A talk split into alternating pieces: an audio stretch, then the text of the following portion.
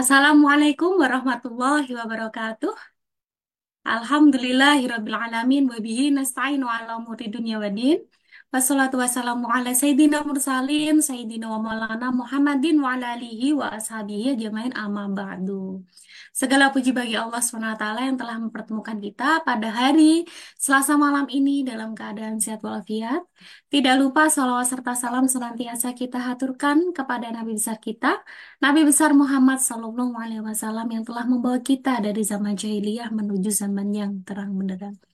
Ya, sahabat Muslimah News, jumpa lagi bersama saya Ika Waring Tias dalam acara bedah buku ya di fanspage Muslimah Newscom. Baik, sahabat Muslimah News, bagaimana kabarnya pada malam hari ini? Sudah stay tune semuanya? Ya, yang sudah stay tune silahkan mention teman-temannya, mention sebanyak-banyaknya untuk nobar bareng atau silahkan menyalin tautan link ya, link eh, live streaming ini dan menyebarkannya di se- seluruh kanal medsos. Jadi siapa si- di status bisa atau disebarkan di grup-grup biar teman-temannya pada nobar bareng. Nah, seperti itu. Nah, kita awali dulu kajian kita, bedah buku kita dengan basmalah bersama-sama. Bismillahirrahmanirrahim. Pada malam hari ini ya, ini di tanggal yang cantik. Kenapa kok tanggal yang cantik? Ya biasalah, ini kan tanggal 12 bulan 12 seperti itu. Ini kalau tahun 2012 ya, sahabat muslimah, ini pasti sangat cantik sekali karena 12 12 12. Cuma kita jumpanya ini di 12 12 23. Nah, seperti itu. Ini biasanya sih kalau di tanggal cantik-cantik biasanya banyak diskonan. Nah, teman-teman jangan berburu diskon dulu, nobar dulu, bedah buku dulu di fanpage Muslimah News. Kita pada malam hari ini insya Allah kita akan membahas terkait Gen Z, kegalauan identitas keagamaan. Pasti seru banget. Nanti gimana eh, bukunya seperti apa jadi nggak usah beli. Wes beli nggak apa-apa ding beli nggak apa-apa. Coba nggak usah baca dari A sampai Z gambarannya. Tapi kita udah tahu oh isinya seperti ini. Bahkan kita bisa berdiskusi juga terkait isi buku ini. Kan lumayan ya teman-teman ya. Membaca satu buku mungkin teman-teman kalau baca satu buku targetnya berapa nih?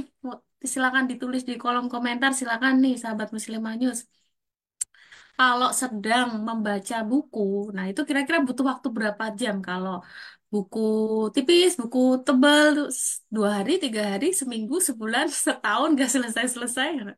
Tapi pada malam hari ini kita langsung kupas tuntas ya. Insya Allah kita kupas tuntas terkait buku Gen Z Kegalauan, Kegalauan Identitas Keagamaan. Nah, jadi ini gini, sahabat muslimah, di sini kalau eh, pembukanya itu begini. Pernah tidak eh, ki- kita itu berpikir mengapa anak muda sekarang tuh lebih cenderung mudah galau. Nah, kita tahu ya banyak sekali bahkan lagu-lagu pop ya, lagu-lagu pop atau lagu-lagu apalah itu kan banyak ya isinya itu tentang kegalauan seperti itu.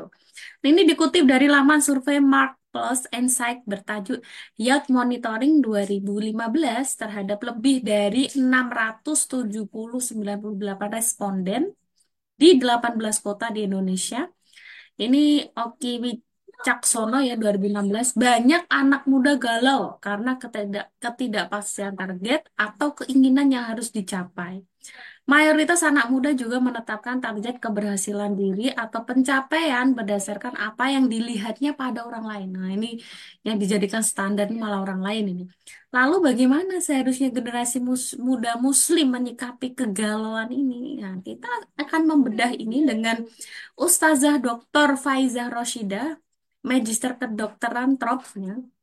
Insya Allah nih ya, kita sapa dulu ya, Ustazah Faizah. Assalamualaikum Ustazah Faizah. Waalaikumsalam warahmatullahi wabarakatuh. Bagaimana kabarnya pada malam hari ini Ustazah? Alhamdulillah sehat, baik insya Allah Mbak Ika. Sehat juga Mbak Ika? Alhamdulillah. A- a- ba- Bagaimana Ustazah? Sehat juga insya Allah Mbak Ika ya? Alhamdulillah sehat Ustazah. Sehat dan selalu bersemangat Ustazah. Apalagi ini temanya Alhamdulillah. itu remaja-remaja ini. Ini ini in banget sama kondisi Gen Z hari ini. Nah ini ini tadi sudah saya buka, sudah saya cuplik sedikit juga Ustazah terkait buku ini. Ini langsung saja saya serahkan kepada Ustazah Faizah. Monggo Ustazah. Ya, Bismillahirrahmanirrahim. Assalamualaikum warahmatullahi wabarakatuh. Waalaikumsalam warahmatullahi wabarakatuh. Alhamdulillahirabbil alamin. Alhamdulillahilladzi arsala rasulahu bil huda wa dinil haqq liyudhhirahu 'ala dini kullih wa kafa billahi syahida. Asyhadu an la ilaha illallah wa asyhadu anna Muhammadan 'abduhu wa rasuluh. Allahumma shalli 'ala sayyidina Muhammad wa 'ala ali sayyidina Muhammad. Rabbi shrah li sadri wa yassir li amri wa halul 'uqdatam min lisani yafqahu qawli. Amma ba'd. Alhamdulillahirabbil alamin. Eh, kawan-kawan, sahabat muslimah sekalian yang hari ini diperkenankan oleh Allah bisa hadir dalam forum kajian bedah buku. Nah, hari ini kita akan uh, membedah sebuah buku yang sebenarnya adalah hasil sebuah penelitian ini ya. Nah, saya mau izin untuk melakukan share screen. Semoga sudah bisa terlihat. Sudah ya. Baik. Alhamdulillah, Ahmadifillah, rahimakunallah. Jadi uh, pada hari ini, Alhamdulillah saya berkesempatan untuk uh, ini nanti, insya Allah dengan mengikuti pembahasan kita pada malam hari ini, nanti sahabat akan mendapatkan semacam pembekalan begitu ya, semacam pembekalan tentang bagaimana ketika kita kita di sini nih mewakili Gen Z karena di sini yang nanti dipaparkan itu memang eh, pendapat atau hasil survei yang dilakukan ke kalangan Gen Z. Tetapi ketika saya mengatakan kita di sini bukan berarti saya ikut-ikutan jadi Gen Z ya. ya. saya orang tuanya Gen Z ya. Jadi eh, ketika kita nanti misalkan mendapatkan sebuah apa tuduhan atau serangan dikatakan bahwa oh ternyata Gen Z hari ini itu intoleran Gen Z hari ini itu radikal, Gen Z hari ini itu uh, ekstrim atau eksklusif. Nah, maka uh, pada malam hari ini insya Allah selain untuk Gen Z-nya sendiri, uh, apa yang akan kita bahas hari ini juga akan menjadi pembekalan buat para orang tuanya Gen Z, para pendidik-pendidiknya Gen Z begitu, orang-orang uh, pengemban dakwah Islam di kalangan Gen Z untuk kemudian bisa membekali uh, generasi muda kita tentang bagaimana kemudian menjawab uh, tuduhan tersebut ya. Memang entry point pembahasan kita adalah dengan membuka uh, apa yang dituliskan atau disampaikan dalam buku yang berjudul Gen Z Kegalauan Identitas Keagamaan. Nah, ini nanti yang akan menjadi alur uh, bedah buku kita atau alur bahasan kita. Yang pertama saya akan menyampaikan secara sekilas tentang buku ini yang kita bedah hari ini. Dan kita membatasi hanya membedah pada bab satunya saja yang di situ e, membahas tentang kegalauan ya. Kan judul bukunya tentang kegalauan Gen Z tentang bagaimana e, akan identitas keberagamaan mereka. Nah itu data primernya itu ada di bab satunya ya jadi uh, alur berikutnya adalah kita membedah bab satunya yaitu membaca bagaimana sih yang dimaksudkan oleh oleh buku ini bahwa Gen Z itu mengalami kegalauan identitas keberagamaan. Lalu yang ketiga, ya, ini adalah sudah mulai uh, apa namanya bagian dari penyikapan yang kemudian kita ambil atau pembekalan yang kemudian akan kita lakukan. Ya. Masuk kepada bagian yang pertama, sekilas tentang buku ini. Tadi ini judulnya Gen Z kegalauan identitas keagamaan ya. Jadi di sini ada para penulisnya uh, nanti sahabat bisa membaca sendiri daftar isinya. Nah, yang akan kita akan kita bahas atau bedah itu adalah pada bab satu yang berjudul Gen Z generasi yang galau. Jadi dijuduli Gen Z generasi yang galau nanti di kesimpulan pun setelah paparan itu dia juga menyimpulkan bahwa kesimpulan pertama adalah Gen Z adalah generasi yang galau gitu ya. Nah, kita akan coba lihat apa yang dimaksud dengan galauan. Nah, si buku ini sendiri di bab satunya sebenarnya merupakan terutama bab satunya itu ya data-data yang ditampilkan di sana itu sebenarnya merupakan hasil penelitian survei nasional PPIM 2017 yang diberi nama atau diberi judul penelitiannya itu Api dalam Sekam. ini dilakukan tahun 2017 eh, tentang sikap keberagamaan siswa maupun mahasiswa, tapi tidak hanya siswa dan mahasiswa, juga meneliti guru dan dosen, begitu ya, di sekolah maupun di seluruh di universitas di Indonesia.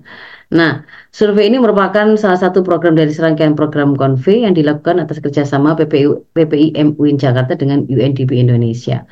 Yang dibahas dalam buku yang tadi uh, covernya saya tunjukkan di depan, itu hanya dibahas tentang data yang menjadikan uh, sasaran penelitiannya itu yang data siswa dan mahasiswanya. Jadi yang guru dan dosennya tidak dibahas di buku ini. Gitu. Nah, ini kalau terkait dengan penelitiannya, metodologinya. Jadi penelitian ini dilakukan dari 1 September sampai 7 Oktober 2017. Yang dianalisa itu eh, sampelnya itu ya guru, dosen, lalu siswa dan mahasiswa. Ada sekitar 1.522 siswa, 337 mahasiswa dari 34 provinsi. Jadi memang merata begitu ya. Nah ini sebarannya ada sekitar 1000 total 1859 jumlah sampel siswa dan mahasiswa. Kemudian itu sekilas tentang bukunya. Nah, kita akan coba lihat uh, bab satunya. Ya, bab satunya yang diberi judul Gen Z, generasi galau tadi bagaimana? Di sini kita akan menemukan bahwa uh, dikatakan galau oleh buku ini itu mereka menyebutnya itu itu dikonfirmasi begitu ya terkonfirmasi dengan hasil surveinya eh, yang tadi dilakukan antara 1 sampai 15 Oktober tadi yang dikatakan di situ menunjukkan kecenderungan tersebut. Kecenderungannya seperti apa gitu ya, dikatakan galau itu yang seperti apa? Mereka mengatakan bahwa dari hasil survei tersebut Gen Z itu secara opini secara opini itu dikatakan cukup memiliki opini intoleran dan opini radikal yang cukup tinggi. Ada yang eh, dikatakan tidak yang intoleran dan radikal sampai kepada yang sangat ya, yang sangat sangat radikal dan sangat intoleran. Tapi, nah di sini disebut galonya itu. Tapi secara aksi ternyata aksi intoleran dan radikalnya itu rendah gitu. Jadi secara opininya itu ternyata dikatakan sangat atau cukup tinggi intoleransi dan radikalnya, tapi secara aksinya itu ternyata intoleransi dan radikalismenya itu rendah. Nah, yang dimaksud dengan intoleran di sini pakai ukuran apa?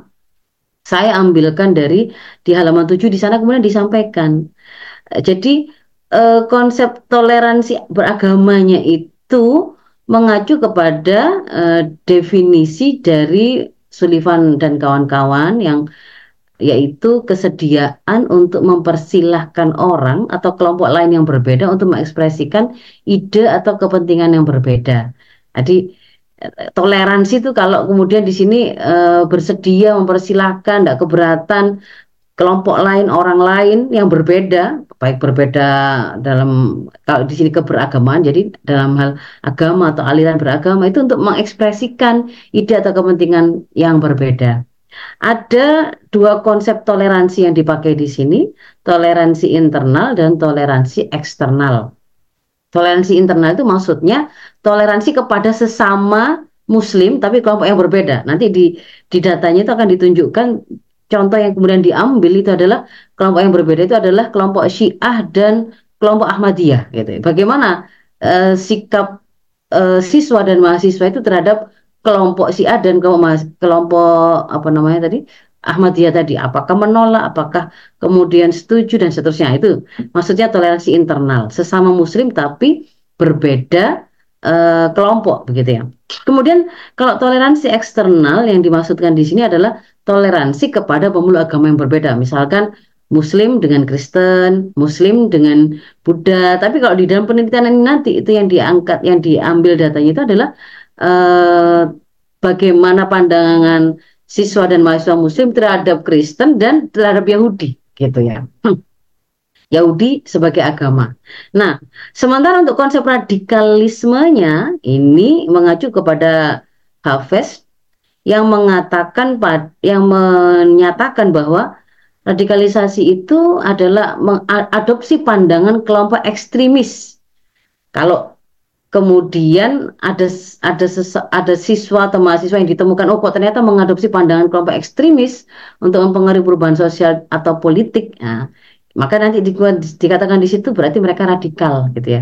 Kelompok ekstremis ini yang seperti apa dan ini juga digabung dengan definisi dari Oasour, tidak tahu saya baca-bacanya bagaimana ini 2009 mengatakan orang radikal itu ya, orang radikal itu akan menggunakan cara yang menolak prinsip demokrasi untuk mencapai tujuan politiknya. Jadi kalau kemudian mereka menolak prinsip demokrasi, berarti itulah yang kemudian masuk dalam kelompok ekstremis berarti kalau digabungkan ya ketika konsep radikalisme yang dipakai adalah acuannya ini dan kemudian diperjelas bahwa radikalisme yang diteliti di sini dibatasi pada dukungan penerapan negara Islam. Nah, bagaimana hasilnya? Ini data pertama bahwa uh, untuk melihat ini secara apa namanya? secara umumnya ya. Ketika menggambarkan bagaimana tingkat intoleransi dan radikalisme siswa atau mahasiswa, kalau secara opini itu yang di sebelah sini, yang sebelah kanan itu yang secara aksi. Secara opini untuk intoleransi terhadap internal nanti kita akan baca lebih lanjut di belakang ya. Tapi sampai di sini saja kita tahu bahwa uh, ada 51,1 persen itu yang intoleran. Jadi semakin oranyenya semakin tebal, semakin ke arah kiri itu kan berarti semakin intoleran semakin hijau semakin kanan itu berarti semakin toleran atau dia juga memberi keterangan toleran sama dengan moderat. Sementara intoleran atau diataukannya dengan radikal gitu ya. Jadi secara opini ternyata ditemukan uh, untuk untuk toleransi kepada internal sesama kelompok di dalam Islam itu ternyata cukup banyak intoleransinya gitu ya. Cukup tinggi intoleransinya lebih dari separuh. Kalau intoleransi terhadap pemeluk agama lain di luar Islam itu dikatakan ternyata lebih sedikit daripada kepada uh, sesama kelompok Islam nah nanti saya akan tunjukkan ini maksud eksternal siapa ya tadi sudah saya katakan ini kepada uh, yang diambil datanya itu dari Kristen dan kemudian Yahudi ya Lalu kemudian opini radikal, nah nanti juga ada keterangannya ya yang diambil dari mana ini. Itu ternyata juga jumlahnya hampir 60% itu radikal atau sampai menuju ke sangat radikal ya mengarah ke sana. Sementara kalau dari si aksinya ternyata berke, berkebalikan. Ini tadi di, kemudian dikatakan wah generasi Z ini, generasi Z ini ya itu orang apa anak-anak kita yang lahir eh, 2000 tahun 2000-an ke atas ya, 2000-an tahun 2000-an, ada yang memulainya sejak tahun 95 atau sampai 2000 untuk awal awal mula menghitungnya. Pada waktu penelitian ini dilakukan ya mereka ada pada usia sekitar 18 tahun sampai 24 tahunan ya. Nah, ini kalau kalau aksi intoleransinya ternyata rendah gitu. Maka dikatakan tadi ini galau ini anak-anak Gen Z ini gitu katanya. Nah, lalu kemudian disampaikan di situ uh, apa saja faktor yang mempengaruhi seseorang itu akhirnya bisa jadi intoleran dan radikal. Disebutkan empat faktor ini. Proses belajar siswanya ternyata uh, dia belajarnya dari mana? Dari pesantren kah? Dari guru kah? dari media kah gitu ya. Kalau dari guru-guru PAI atau bukan guru PAI gitu ya. Itu kemudian ada bacaannya semua. Lalu dikaitkan juga dengan akses internet sebagai bahan untuk mencari pengetahuan agama. Nanti di sini kemudian di, di, di, di apa namanya? dipaparkan bahwa oh ternyata hasilnya kalau yang punya akses internet lebih bagus itu ternyata lebih radikal begitu ya. Yang tidak tidak bagus eh, akses internetnya atau kurang itu ternyata lebih moderat dan kemudian disebutkan di situ juga ada situs-situs yang dimaksud dengan radikal itu yang mana gitu. Kemudian yang berikutnya adalah uh, dikatakan tidak efektif ketidak efektifan organisasi keagamaan merangkul anak muda. Jadi kar karena tidak uh, di situ ada kemudian ormas-ormas yang disebut sebagai ormas yang moderat dikatakan mainstream tapi kemudian uh, ternyata nggak dirujuk oleh anak-anak Gen Z ini sehingga kemudian mereka jatuh kepada radikalisme. Dan yang berikutnya ini kalau persepsi tentang kinerja pemerintahan ini kalau di sini nanti itu lebih disorot dari dua indikator ya, kinerja dalam ek ekonomi dan atau kesejahteraan dan dalam bidang penegakan hukum. Nah, nanti dikaitkan dengan kalau kemudian mereka mengkritik atau merasa bahwa kinerja pemerintahan itu belum belum berhasil, belum bagus, belum menciptakan keadilan, belum menciptakan kesejahteraan, apakah kemudian berkorelasi kepada mereka akhirnya menjadi radikal, misalkan seperti yang eh, apa terjadi di Arab Spring, misalkan begitu kan, eh, ada sebuah upaya untuk melakukan eh, apa namanya protes bahkan penggulingan protes ya awalnya kalau rakyat itu ya kepada kekuasaan karena ada ketidaksejahteraan di sana begitu ya. Nah, ini ini yang kemudian disebutkan di dalam buku ini menjadi faktor yang akan me, me, mempengaruhi seseorang siswa atau mahasiswa itu jadi intoleran atau radikal.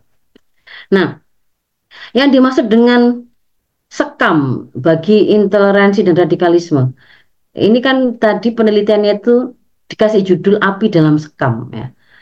Kalau saya sempat buka, apa sih yang dimaksud dengan peribahasa api dalam sekam itu kan uh, sebuah bahaya yang bisa sewaktu-waktu muncul karena tidak terlihat gitu. Nah, sekam ini kan apa namanya uh, bekas uh, kalau secara secara literalnya begitu ya harfiahnya itu sekam itu kan bekas padi itu ya yang sudah di sudah di apa namanya kulit padi itu ya yang sudah diambil padinya lalu ditumpuk gitu sekam ya. Ketika kemudian misalkan ada api di dalamnya itu kan nggak kelihatan tetapi dia bisa bisa membakar dan kemudian nanti bisa ke mana-mana. Nah yang dimaksud dengan sekam yang kemudian uh, dijadikan sebagai isu yang diteliti dan dibahas oleh buku ini atau oleh penelitian ini adalah ada empat ini, empat isu ini. Isu tentang aliran menyimpang, isu tentang Islam itu adalah korban, Islam sebagai korban, isu tentang musuh agama Islam dan isu tentang jihad. nah, yang pertama, isu tentang aliran menyimpang, ya. Kalau di bukunya ini nggak begini ya tampilannya. Ini saya ambil dari presentasinya si PPIM ketika me, me, mempresentasikan hasil penelitiannya. Ya. Uh, jadi pertanyaannya yang dimaksud dengan gambaran tadi intoleran dan radikal itu ketika terkait dengan isu tentang aliran menyimpang ditanya ya, eh, berapa kemudian jumlah yang tidak setuju jika pemerintah harus melindungi penganut Syiah dan Ahmadiyah. Jadi yang dimaksud dengan aliran menyimpang ini itu adalah Syiah dan Ahmadiyah dan ini dikategorisasi sebagai bagian dari umat Islam. Jadi nanti dipakai untuk menilai intoleransi yang sifatnya internal, gitu ya. Berapa siswa dan mahasiswa yang kemudian tidak setuju kalau pemerintah harus melindungi si dan Ahmadiyah? Oh ternyata tidak setuju itu hampir 50% loh. Ini intoleran berarti ini. Si dan Ahmadiyah kan juga salah satu salah dua kelompok di dalam Islam begitu maksudnya ya. Kalau kemudian uh, ada li, hampir 50% siswa dan mahasiswa nggak setuju kalau pemerintah harus melindungi berarti mereka memiliki sebuah opini yang radikal atau intoleran. Nah, lalu yang berikutnya, setuju jika pemerintah melarang keberadaan kelompok minoritas yang dianggap menyimpang dari Islam. Nah, ini juga maksudnya juga si ada nama dia itu. Kelompok minoritas yang dianggap menyimpang. Jadi apakah kemudian mereka setuju pemerintah melarang? Oh ternyata hampir 90% siswa dan mahasiswa menjawab setuju kalau itu dilarang. Dan ketika kemudian uh, siswa dan mahasiswa muslim ini menjawab Syiah dan Ahmadiyah itu tidak boleh tidak boleh diberi ruang uh, bahkan kemudian harusnya pemerintah melarang mereka karena menganggap itu adalah sebagai ajaran yang menyimpang dari Islam itu dikatakan sebagai indikator intoleransi internal atau radikal. Kemudian yang berikutnya mendukung pemerintah mengembalikan pengungsi Syiah di Sidoarjo ke tempat asal mereka.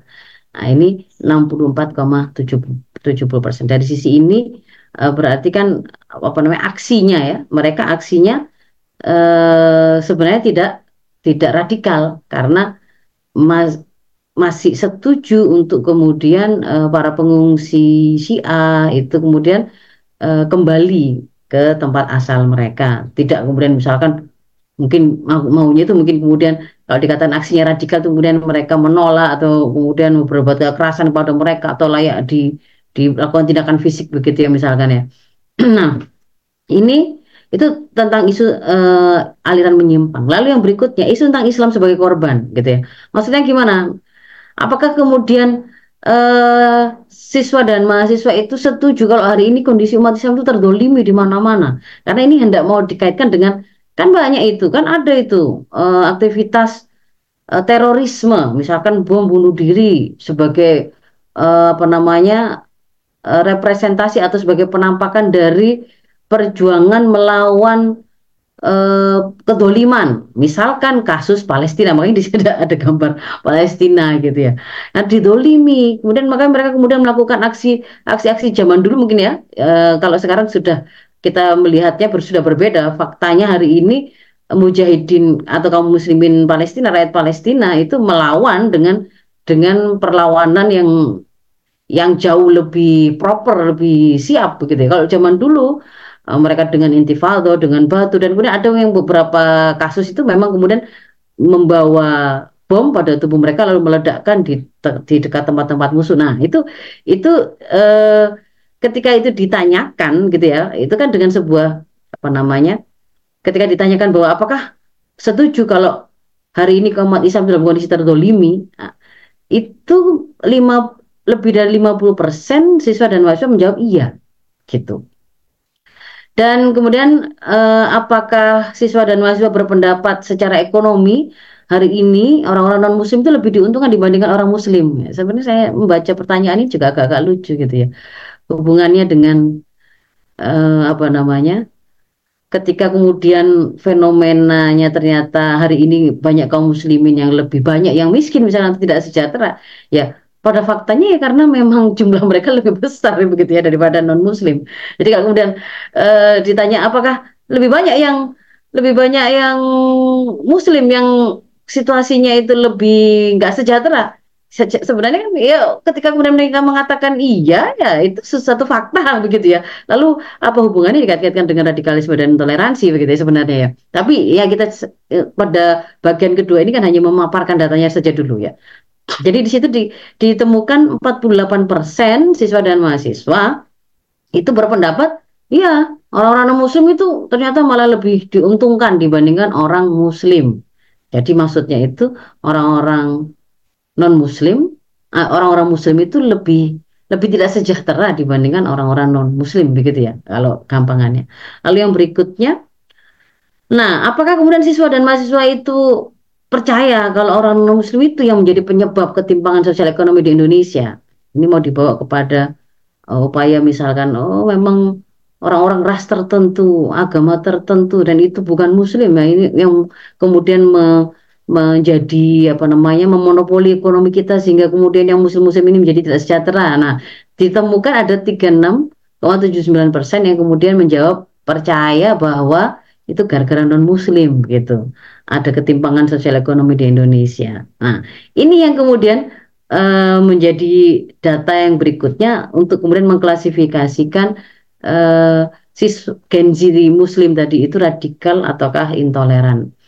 Lalu yang berikutnya, isu tentang musuh agama Islam. Nah, di situ ditanyakan ya, apakah setuju bahwa orang Kristen itu bukan musuh orang Islam? Li- hampir 80% mengatakan setuju. Orang Kristen bukan musuh orang Islam. Dan apakah setuju bahwa orang Kristen itu tidak membenci orang Islam? 76% siswa dan mahasiswa setuju bahwa orang Kristen tidak membenci orang Islam. Jadi kalau di sisi dari sisi angkanya ini kan berarti relatif moderat gitu ya. Lebih lebih lebih ke arah apa namanya memiliki toleransi kepada orang yang eh, di luar agamanya, Tol- toleransi eksternal. Kalau yang tadi saya sampaikan di depan itu. Ternyata cukup toleran kalau kalau kalau toleransi eksternal itu cukup toleran ternyata Gen Z Muslim itu gitu ya. Kepada agama eh, selain Islam mereka ternyata cukup toleran. Tapi kepada yang tadi itu seagama kasusnya adalah Ahmadiyah dan dan Syiah tadi itu oh tidak toleran ternyata intoleran atau radikal. Nah, nah ini yang kepada eh, eksternal kepada non muslim itu itu kemudian yang kedua adalah agama Yahudi yang kemudian ditanyakan. Jadi Kristen dan Yahudi. Apakah siswa dan mahasiswa muslim setuju bahwa orang Yahudi adalah musuh Islam? Nah, ternyata didapatkan hasil lebih dari 50 pers 50 persen ya, eh, sekitar 54 persen kalau setuju Yahudi itu musuhnya Islam dan ini merupakan bagian dari indikator intoleransi tadi. yang dikatakan oh ternyata kepada orang kalau di bukunya dikatakan eh, kepada orang orang-orang yang tidak seagama itu mereka muslimin Gen Z siswa dan mahasiswanya itu toleran hanya kepada agama resmi di Indonesia tapi tidak kepada agama yang tidak resmi diakui di negara kita misalkan Yahudi. Kan nggak secara resmi itu dikatakan oh ternyata nggak nggak toleran ternyata. Tolerannya itu kepada yang agama resmi diakui di negara ini gitu. Nah kemudian juga bagian dari indikator intoleransi itu adalah ketika apakah siswa dan mahasiswa setuju bahwa bahwa orang Yahudi itu membenci Islam. Nah, ketika kemudian dijawab juga lebih dari 50% ternyata setuju begitu. Nah, ini yang kemudian disebut sebagai uh, yang menambah menjadi indikator dari kesimpulan intoleransi dan radikalisme uh, Gen Z secara opini kepada uh, eksternal eksternal umat Islam ya, itu uh, yang untuk agama yang diakui oleh negara dikatakan cukup bagus toleransinya, tetapi untuk agama yang tidak diakui secara resmi oleh negara itu uh, tidak bagus toleransinya atau cukup intoleran atau cukup radikal. Dan yang lucu ini ya kemudian yang diangkat itu adalah Yahudi begitu ya. Kalau Yahudi kemudian ditanyakan gitu ya, sangat wajar. Ini kalau ditanyakan ya hari ini gitu ya, survei ini tahun 2023 ini saya kira bisa jadi 100% ini jawabannya dan berarti sangat radikal ini berarti siswa dan mahasiswa muslim ini. Kemudian yang berikutnya uh, adalah ini juga gambaran intoleransi atau radikalisme itu adalah mereka ditanya ya, apakah mereka keberatan atau tidak keberatan. Jika orang-orang yang berbeda agama memberi bantuan kepada lembaga Islam, misalkan ada donasi dari eh, agama lain non Muslim untuk kemudian misalnya memberi sembako ke ke kaum muslimin yang membutuhkan, yang mungkin kena bencana atau dalam kondisi tidak sejahtera karena pada pada kasus tertentu kan ada penolakan. Nah, penolakan karena kalau di antara penolakannya kan misalkan kita sering mendengar itu karena oh itu bagian dipandang oleh kaum muslimin modus melakukan pemurtadan dengan membawa bantuan sembako dan seterusnya. Nah, kalau kemudian menolak bantuan, padahal itu kan hai bantuan gitu bantuan, donasi ditolak itu bagian dari indikator radikalisme atau intoleransi. Dan ternyata cukup radikal berarti ini ya ketika hasil eh, tidak cukup radikal. Nah, secara eh, apa namanya dalam hal ini ternyata mahasiswa kita tidak keberatan gitu ya. Dan juga dari sisi eh, apa apakah setuju apabila ada rencana pendirian rumah ibadah agama di lingkungan mereka tinggal itu juga lebih besar lebih dari 50% menyetujui maka ini menunjukkan bahwa mereka cukup tidak radikal atau cukup toleran gitu ya kesimpulannya secara aksi. Lalu uh, isu tentang jihad. nah, ini dikaitkan dengan uh, jihad yang kemudian dianggap sebagai isu atau pemikiran atau ide yang me, me, apa namanya, menginspirasi tindakan radikalisme atau bahkan terorisme atas nama atas nama melakukan jihad kemudian melakukan pengoboman bunuh diri, pengeboman atau tindakan kekerasan yang lain. Nah, ini kemudian ada beberapa item yang kemudian diambil jajak pendapat di situ. Yang pertama, apakah siswa dan mahasiswa eh, ditemukan 60 sekitar 62,29 persen siswa dan mahasiswa tidak setuju bahwa jihad yang sesungguhnya adalah berperang melawan non Muslim. Ya, ini kalimatnya ya memang Ya tentu saja ya. Ya. Jadi tidak setuju bahwa jihad yang sesungguhnya adalah berperang melawan non muslim. Ya. Itu kemudian ditemukan oh ternyata tidak setuju. Ya, tidak setuju. Sekitar 63 persen. Berarti ini cukup toleran, tidak radikal secara aksi gitu ya. E, kemudian tidak setuju jika bom bunuh diri atau pengeboman atas nama agama oh, itu berarti jihad jihad yang sesungguhnya nah, tapi di sini yang kemudian disoroti oleh uh, penelitian dan dibahas oleh buku ini, ketika disebut di sini ada 76,65 persen, berarti kan sekitar berapa? 3, 34 persen, itu kan berarti mengatakan setuju berarti, menjawab setuju dengan tindakan pengeboman, itu ya, atau bom bunuh diri pada kasus misalkan di Palestina itu yang pada beberapa fakta beberapa tahun yang lalu yang mengatasnamakan agama itu adalah jihad. Nah, itu yang kemudian dikatakan meskipun sekecil apa pun angka itu, itu adalah bibit radikalisme yang harus kemudian diwaspadai. Nah, ini cara membacanya begitu kalau kemudian disampaikan di buku tersebut. Ya. Tapi secara aksi ternyata relatif mereka eh, apa namanya dikatakan tidak radikal. Tapi ada loh ternyata sekitar 34 persen yang itu radikal. Nah, itu yang diwaspadai. Kemudian termasuk ini 65,57 persen siswa dan mahasiswa tidak setuju jika orang yang murtad boleh dibunuh. Nah, jadi implisitnya ini kan mengatakan bahwa kalau setuju murtad orang murtad murtad dari agama Islam ya maksudnya ini ya boleh dibunuh itu berarti dia radikal atau intoleran. Kalau dia tidak setuju berarti dia toleran dan tidak radikal. Kan begitu. Nah, yang kalau yang di sini berarti kan eh, yang radikal itu yang setuju kalau jihad itu yang melaw, berperang melawan non muslim ya. Tidak ada tidak ada atribut lain ya, cuman menyebutkan seperti itu. Ya, menurut saya sangat sangat ya dibilang lucu ya, bisa lucu ya.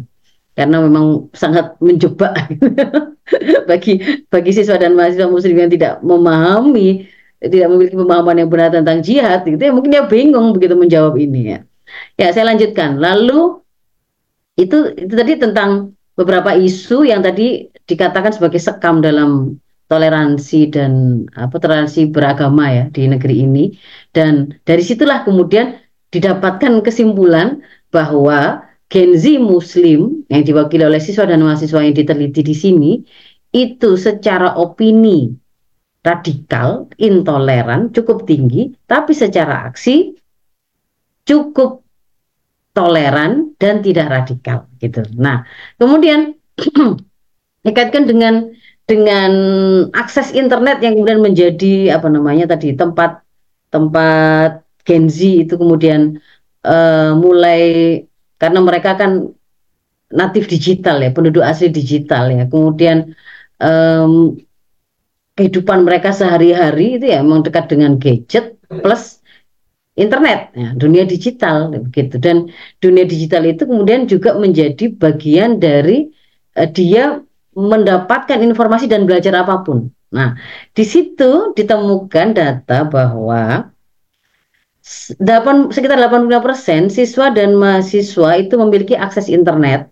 Sementara sedikit saja, sekitar 15% siswa atau mahasiswa tidak memiliki yang eh, dari siswa atau mahasiswa yang memiliki akses internet itu ya kemudian ternyata ditemukan begini. Siswa atau mahasiswa yang tidak memiliki akses internet itu lebih memiliki opini moderat dibandingkan yang memiliki akses internet. Jadi di apa namanya data data seberapa banyak akses internet itu dimiliki oleh siswa atau mahasiswa muslim tadi lalu dikaitkan dengan eh, jawaban mereka terkait dengan beberapa pertanyaan yang menunjukkan indikator radikalisme atau intoleransi tadi itu gimana oh ternyata didapatkan semakin memiliki akses internet itu ternyata lebih opininya itu lebih intoleran. Sementara yang tidak punya akses internet, 15 persennya itu, itu ternyata lebih memiliki opini yang moderat. Gitu, hasil penelitiannya. Nah, bahkan kemudian, kemudian di situ ditunjukkan, karena ternyata Gen Z ini belajar juga dari berbagai macam sumber di internet itu, termasuk website-website, oh, YouTube, itu YouTube itu juga menjadi sumber-sumber mereka belajar, jadi rujukan. Dan di sana itu ada banyak apa namanya eh, situs-situs uh, yang dikatakan tidak merepresentasikan merepresentasikan Islam moderat contohnya itu ya yang kemudian mereka kategorisasi sebagai situs radikal itu seperti era muslim hidayatullah voice uh, voaislam.com arahmah.com dan seterusnya begitu yang dikatakan kerap menyuguhkan berita yang memuat konten radikal gitu. Ini ada di halaman 12 di buku ini. Nah, kemudian mereka menyimpulkan bahwa ini ada peluang sekaligus tantangan gitu ya.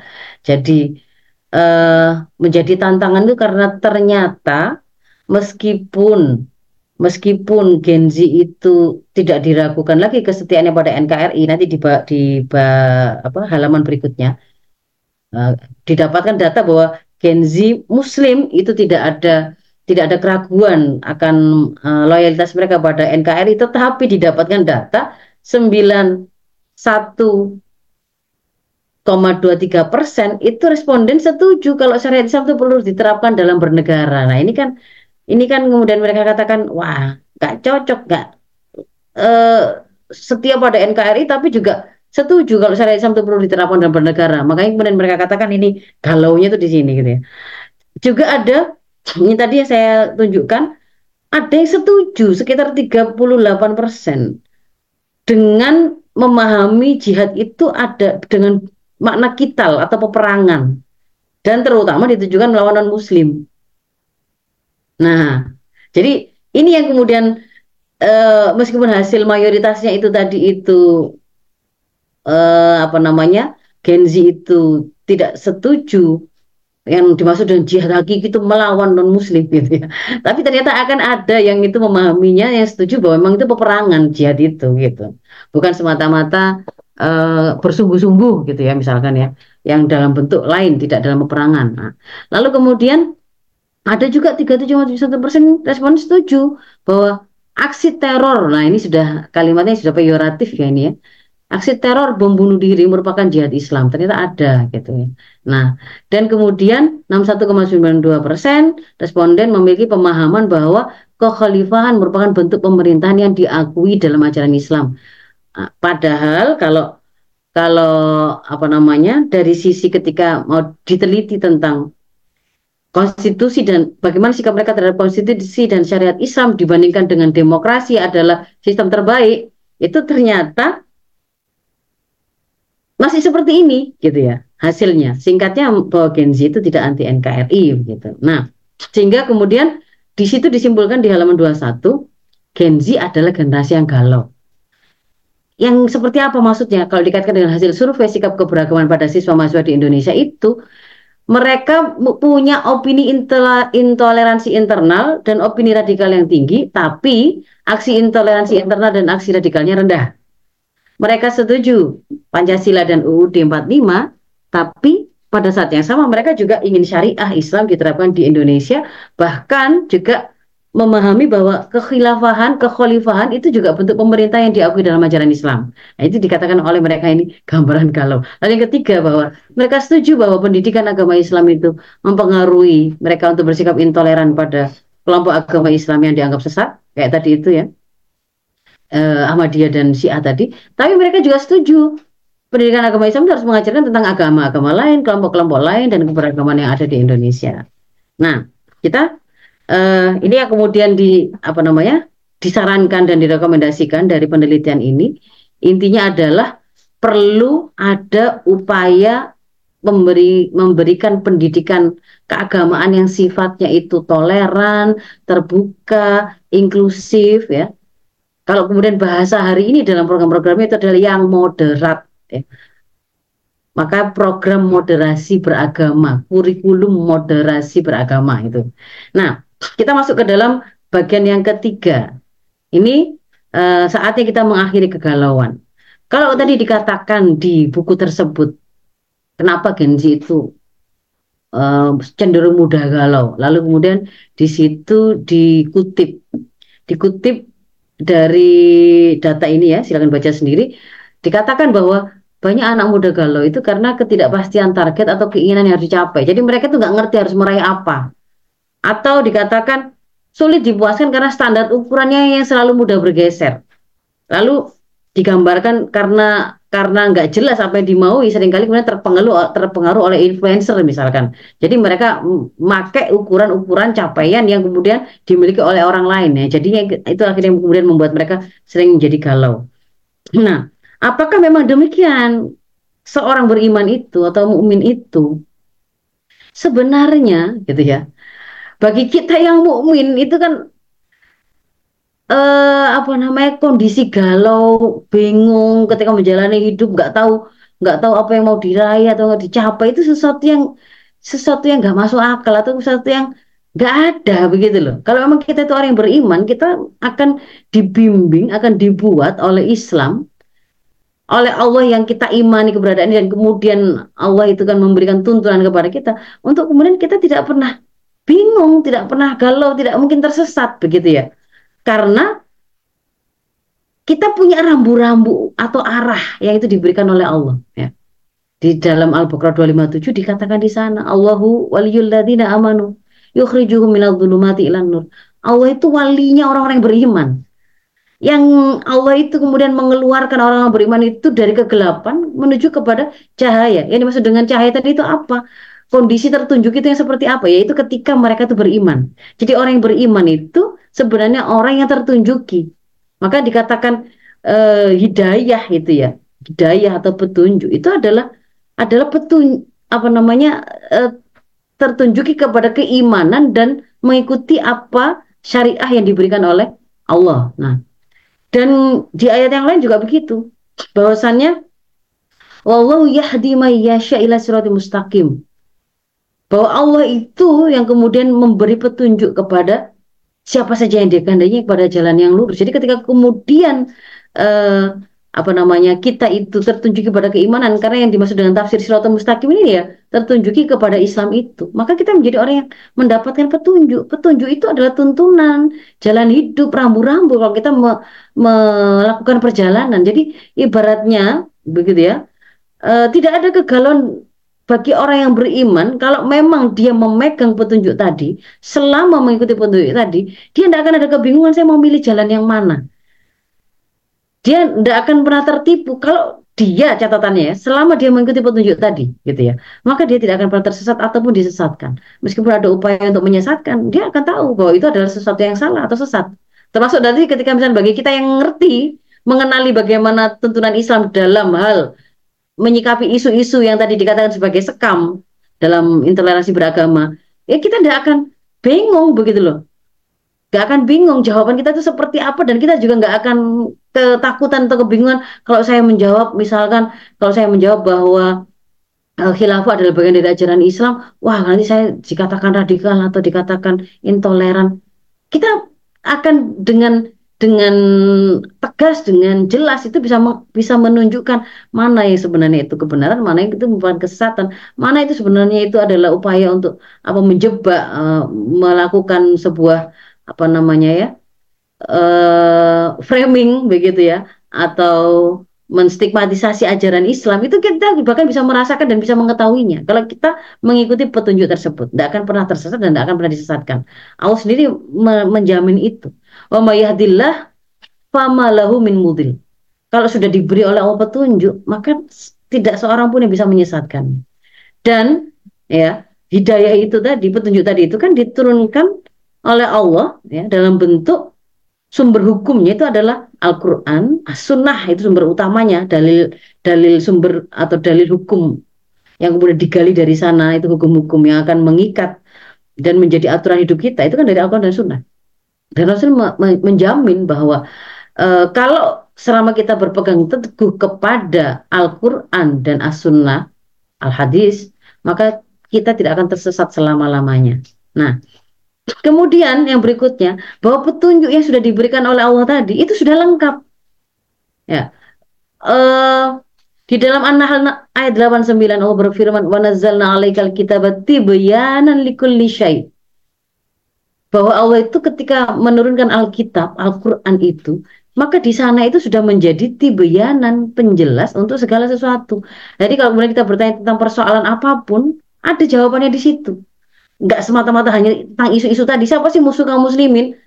Kalau tadi ditanyakan apakah uh, orang Kristen adalah musuh umat Islam apakah orang Yahudi adalah musuh umat Islam ya kita bukan menjadi orang yang bingung.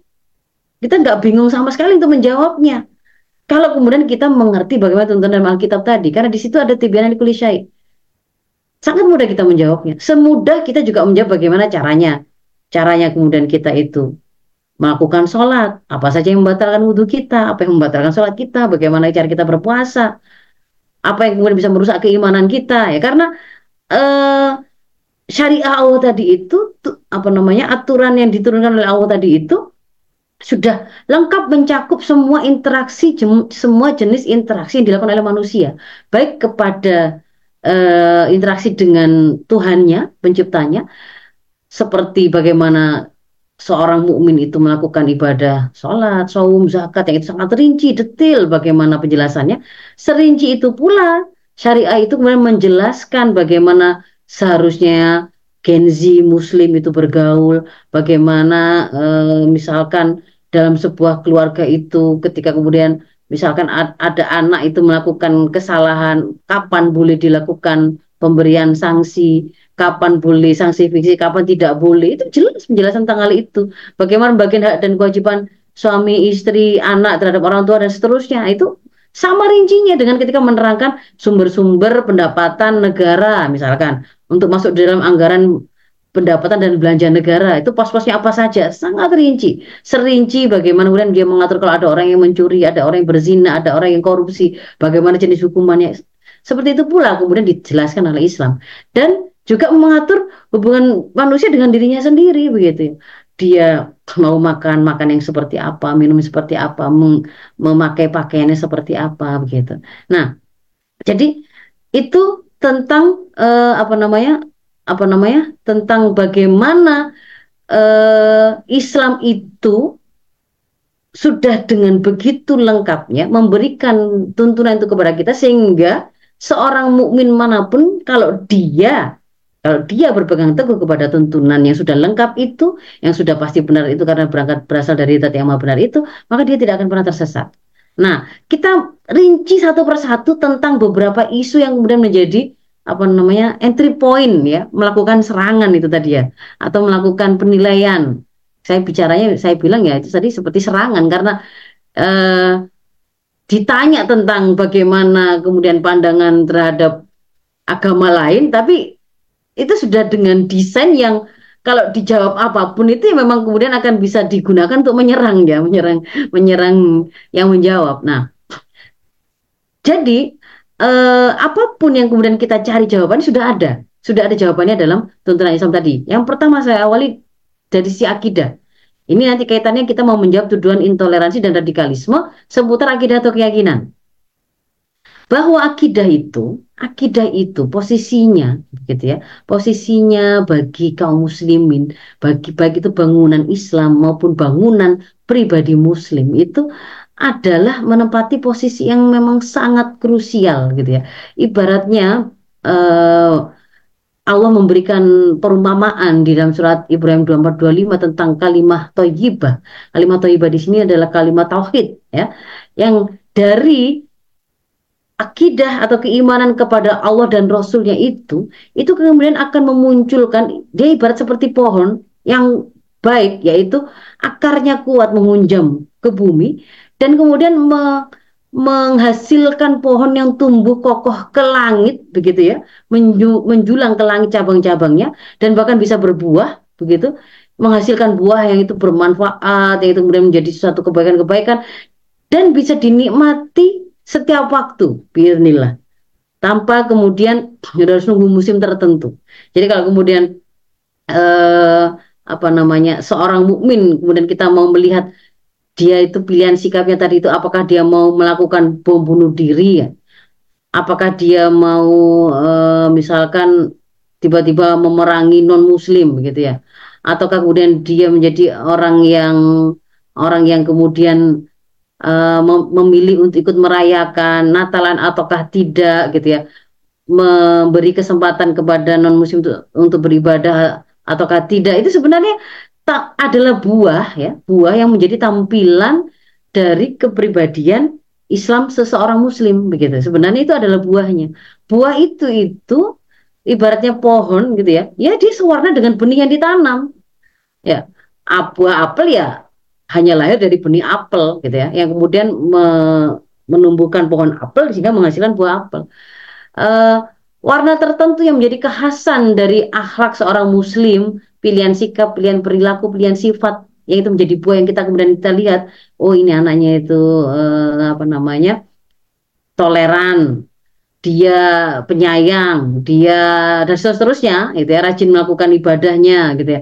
Itu sebenarnya khas begitu loh, khas. Nanti pasti hanya akan lahir dari proses yang ada kaitannya dengan akidah di sini.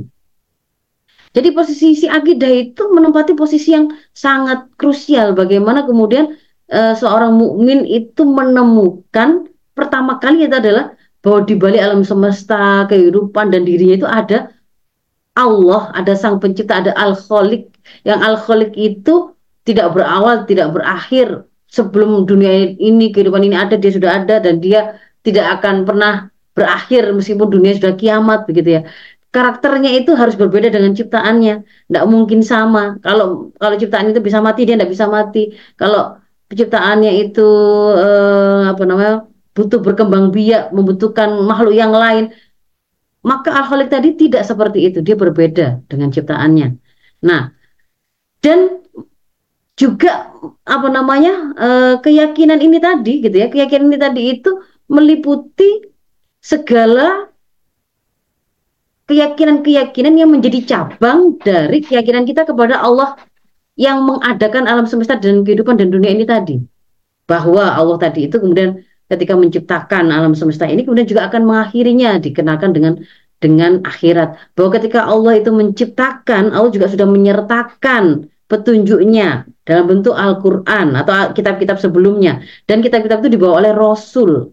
Dan e, disampaikan oleh oleh utusannya e, atau nam, apa namanya malaikat yang kemudian menyampaikan wahyu itu kepada rasul. Maka di situ ada keimanan kepada malaikat, kepada rasul, kepada kitab Allah, kepada hari kiamat, ada surga dan neraka. Implikasinya itu bagian dari uh, keyakinan yang kemudian harus diyakini oleh seorang beriman dan di situlah kemudian akan membuat dia bisa me me me mengambil sikap yang tepat ketika dia menjalani hidup. Nah, keyakinan yang seperti itu, akidah yang seperti itu, itu memang harus keyakinan 100% begitu loh. Bahwa yang menciptakan alam semesta ini ya memang Allah.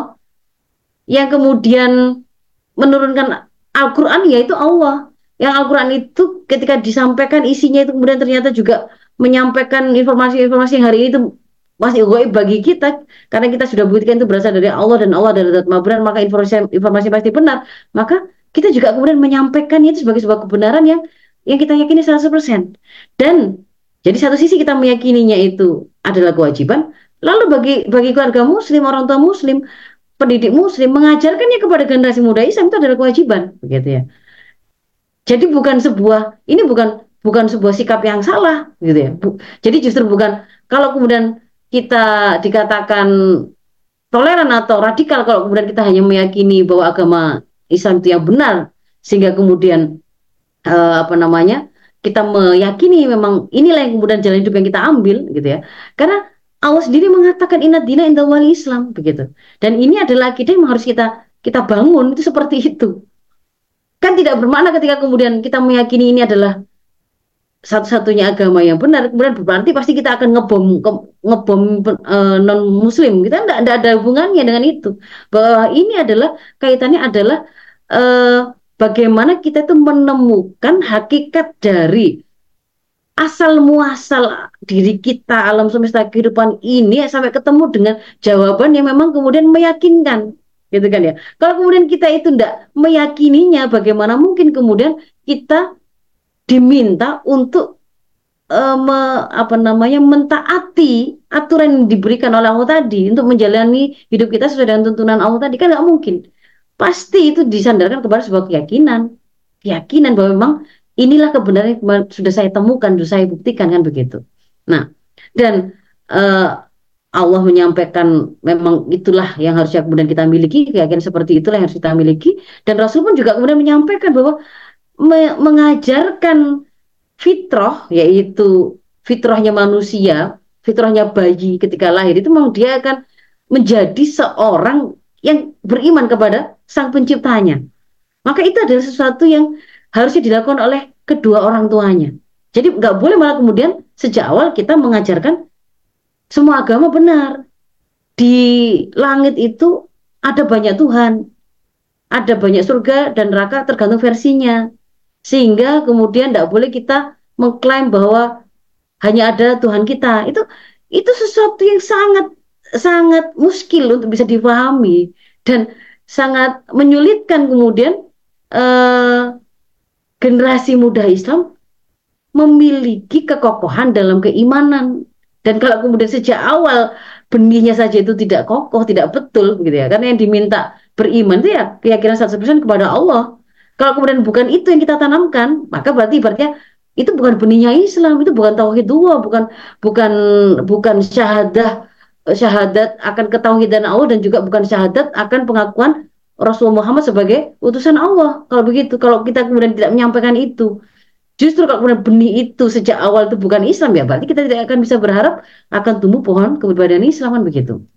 Nah, tapi gitu lah. Meskipun kemudian kita meyakini bahwa inna dina indawal Islam itu kalau kaitannya dengan orang non muslim Islam telah memberikan sebuah petunjuk bahwa la ikroha din. Tidak ada paksaan terhadap siapa pun untuk masuk ke dalam agama Islam itu tidak boleh dipaksa. Seseorang itu masuk ke dalam Islam itu karena melalui sebuah proses yang disebut sebagai kan gerbangnya itu kan syahadat. Syahadat itu kan ikrar. Ikrar kalau misalnya ikrar. Ikrar itu dia mengakui. Berarti kan dia itu melakukan pengakuan sendiri. Bukan dipaksa, dia melakukan pengakuan sendiri karena teryakinkan. Dan dikatakan di sini tidak boleh ada paksaan. Kota minal karena sudah jelas mana petunjuk mana oh, jadi sudah tidak boleh memang ada paksaan maka tidak akan tidak akan dilakukan oleh muslim mana pun yang tahu petunjuk ini lalu kemudian memaksa non muslim ayo masuk Islam ibadah di masjid. Nggak mungkin ada nggak mungkin ada begitu ya. Kalau ada yang menuduh kemudian melakukan seperti itu tidak masuk akal. Karena Islam sendiri normatifnya ajaran itu begini tidak ada gitu. Tidak ada paksaan. Kemudian tentang syariah ini juga eh, kita detilkan untuk menjawab tuduhan intoleransi dan radikalisme seputar pelaksanaan ibadah. Bahwa kalau kita bicara syariah itu berawal dari bahwa ketika kita meyakini ada Allah sebagai Al-Khaliq gitu ya. Sang pencipta itu tuh juga sang pengatur. Ketika dia menciptakan menciptakan manusia alam semesta di sini nih, dia tetapkan bahwa manusia itu punya potensi-potensi. Oh, dia butuh makan, dia butuh minum, dia butuh oksigen, dia butuh suhu tertentu. Dia atur Allah itu bagaimana terbit dan tenggelamnya matahari, siang dan malam, siklus air di bumi ini bukan bukan kebetulan semua bahwa oh dengan air itu ya bagaimana kemudian manusia itu bisa memenuhi kebutuhan air oh disediakan oleh Allah laut. Bagaimana air laut bisa sampai ke manusia? Oh bisa di diuapkan oleh matahari.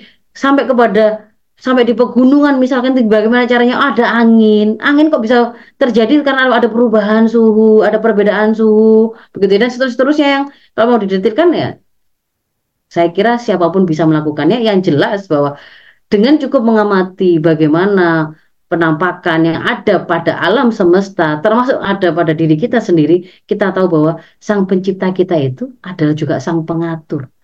Allah yang al-Khaliq itu juga yang membuat syariat gitu. Nah, dan itu kemudian disampaikan oleh Allah bahwa al-yauma akmaltu lakum dinakum wa atmamtu alaikum nikmati wa raditu lakumul Islam madinah. Islam sebagai agama itu sudah di, diridhoi oleh Allah untuk menjadi agama kita, sudah disempurnakan, sudah lengkap, sudah komplit. Ini tadi yang saya gambarkan. Aturan yang kemudian diturunkan oleh Allah itu sudah mencakup seluruh jenis interaksi yang dilakukan oleh manusia. Dan aturan itu akan akan menjadi sumber solusi karena dia berasal dari zat yang maha benar yang maha tahu bagaimana manusia dan kehidupannya ketika kemudian dia berikan kehidupan manusia itu di, diatur dengan aturan yang dibuatnya maka akan membuat manusia itu bisa menyelesaikan semua persoalan-persoalan yang dihadapi. Nah, dan uh, Syekh Mahmud Saltut memberikan penjelasan hubungan syariah dan akidah mungkin ini untuk memperjelas begitu ya. Jadi kalau kemudian tadi kita sudah membahas tentang akidah tadi tidak boleh ada keraguan sedikit pun ini adalah fondasinya. Di atasnya itu akan membuat seorang mukmin itu meyakini bahwa dia itu wajib hidup bersama dengan tuntunan dari Allah yang dia yakini dalam akidah tadi. Nah tuntunannya tadi itu adalah syariah.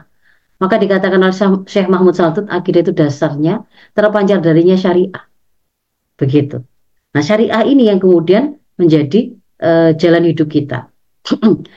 Dan mengambil atau berhukum kepada syariah tersebut itu adalah kewajiban. Di antaranya adalah perintah dalam Al-Maidah 49 ini. Wa anikum bainahum bima anzalallah wala tetabi ahwa'ahum. Kita diperintahkan untuk menghukumi, memutuskan perkara apa pun itu sesuai dengan apa yang diturunkan oleh Allah. Yang diturunkan oleh Allah tadi ya Al-Qur'an, wahyunya lalu yang ditujukan oleh Al-Quran itu adalah as-sunnah atau al-hadis ya. atau kemudian itu menjadi sumber hukum dari syariah Islam.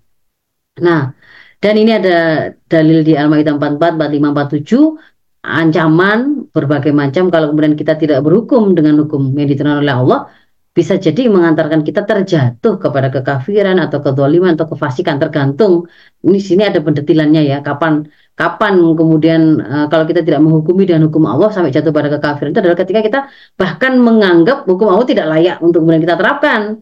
Kita ragu dan meyakini bahwa hukum yang buatan manusia malah lebih unggul misalnya kalau dolim itu dia tidak sampai pada tataran keyakinan gitu ya. Dan jadi apakah kemudian kalau mengambil syariah tadi yang itu wajib kita terapkan itu berarti kita tidak toleran? Oh tidak karena konsep toleransi dalam Islam sangat jelas, sebagaimana disampaikan dalam surat Al-Kafirun ini. Ini kan sangat jelas ini. Bagaimana kemudian kita disuruh menyampaikan, menyeru kepada orang-orang kafir. Katakanlah, wahai orang-orang kuliah ya ayuhal kafirun, la a'budu ma ta'budun. Katakanlah Muhammad, wahai orang-orang kafir, tidaklah aku menyembah apa yang kalian sembah. Loh. Jadi batas toleransi yang pertama kita tidak boleh memaksa mereka menyembah Allah dan kita juga tidak boleh menyembah apa yang mereka sembah. Bahwa kalian itu bukanlah menyembah apa yang aku sembah dan aku juga tidak menjadi penyembah apa yang kamu sembah. Dan kamu tidak menjadi penyembah apa yang aku sembah dan bagimu agamamu dan bagiku agama. Jadi kalau kemudian kita terjemahkan dalam aksinya bagaimana? Mereka non muslim boleh memilih agama yang mereka yakini dan mereka bebas beribadah sesuai dengan agamanya yang mereka yakini tata cara tata cara ibadah yang sesuai dengan agamanya masing-masing tidak boleh kita ganggu kita berikan kebebasan mereka beribadah tidak boleh kita paksa mereka misalkan harus beribadah bersama-sama dengan kita kita tidak ganggu mereka. Tetapi kita juga tidak boleh kemudian dipaksa untuk dikatakan sebagai orang yang tidak radikal atau dikatakan menjadi genzi yang toleran itu berarti harus mau juga dong berdoa di rumah ibadah mereka bersama-sama. Mengaminkan ya. Nanti pimpinan masing-masing agama bareng-bareng berdoa bareng-bareng. Tidak perlu seperti itu karena tuntunan cara beribadah kan berbeda-beda. Tidak perlu kemudian harus disama-samakan digabung-gabungkan untuk dikatakan kita itu tidak radikal atau tidak toleran gitu tidak perlu kemudian kita juga harus dikatakan supaya kita dikatakan toleran berarti harus ikut-ikutan merayakan hari-hari besar mereka. Sebagaimana mereka juga tidak perlu mengikuti dan memberikan ucapan selamat misalkan kepada hari hari besar keagamaan kita seperti itu. Dan termasuk adalah tidak boleh kemudian memaksa mereka memakai atribut khasnya kaum muslimin ataupun kaum muslimin tidak boleh kemudian dipaksa memakai atribut khas mereka supaya kemudian uh, dikatakan menjadi Gen Z yang toleran atau tidak radikal begitu. Itu tentang syariah tadi, tentang ibadah. Nah, tentang khilafah tadi kan ya dikatakan meyakini khilafah bagian dari Islam wah itu ternyata radikal itu. Itu intoleransi yang sangat tinggi. Kita dudukkan bagaimana sih pandangan Islam tentang khilafah itu. Diawali dari sini bahwa Islam memandang agama dan kekuasaan itu itu nggak terpisah memang. Dia adalah ibarat saudara kembar. Kalau kalimat Imam Ghazali dalam kitabnya ini Al-Iqtisad fil I'tiqad itu saudara kembar. Agama fondasinya kekuasaan penjaganya. Sesuatu yang tidak berfondasi akan runtuh. Sesuatu yang tidak ada penjaganya tidak ada kekuasaan atau khilafah niscaya hilang atau lenyap. Dan kita memahami syariah yang kafah tadi itu terutama untuk eh, aturan-aturan uh, yang mengatur interaksi manusia dan manusia yang lain kalau ada yang kemudian melakukan korupsi, kalau ada yang melakukan pencurian, kalau ada yang melakukan pembunuhan, kan mengambil orang lain. Untuk bisa melaksanakannya itu tidak bisa kalau kemudian itu diterapkan oleh orang per orang. Nah, butuh kekuasaan. Jadi memang kita memahami bahwa syariah Islam kafah itu pasti butuh kekuasaan penerapnya. Begitu. Dan kajian dari para ulama ini nggak perlu dipertanyakan. Semuanya juga memahami bahwa posisi kekuasaan dalam Islam itu juga disyariatkan. Termasuk kekuasaan di sini adalah dalam bentuk negara.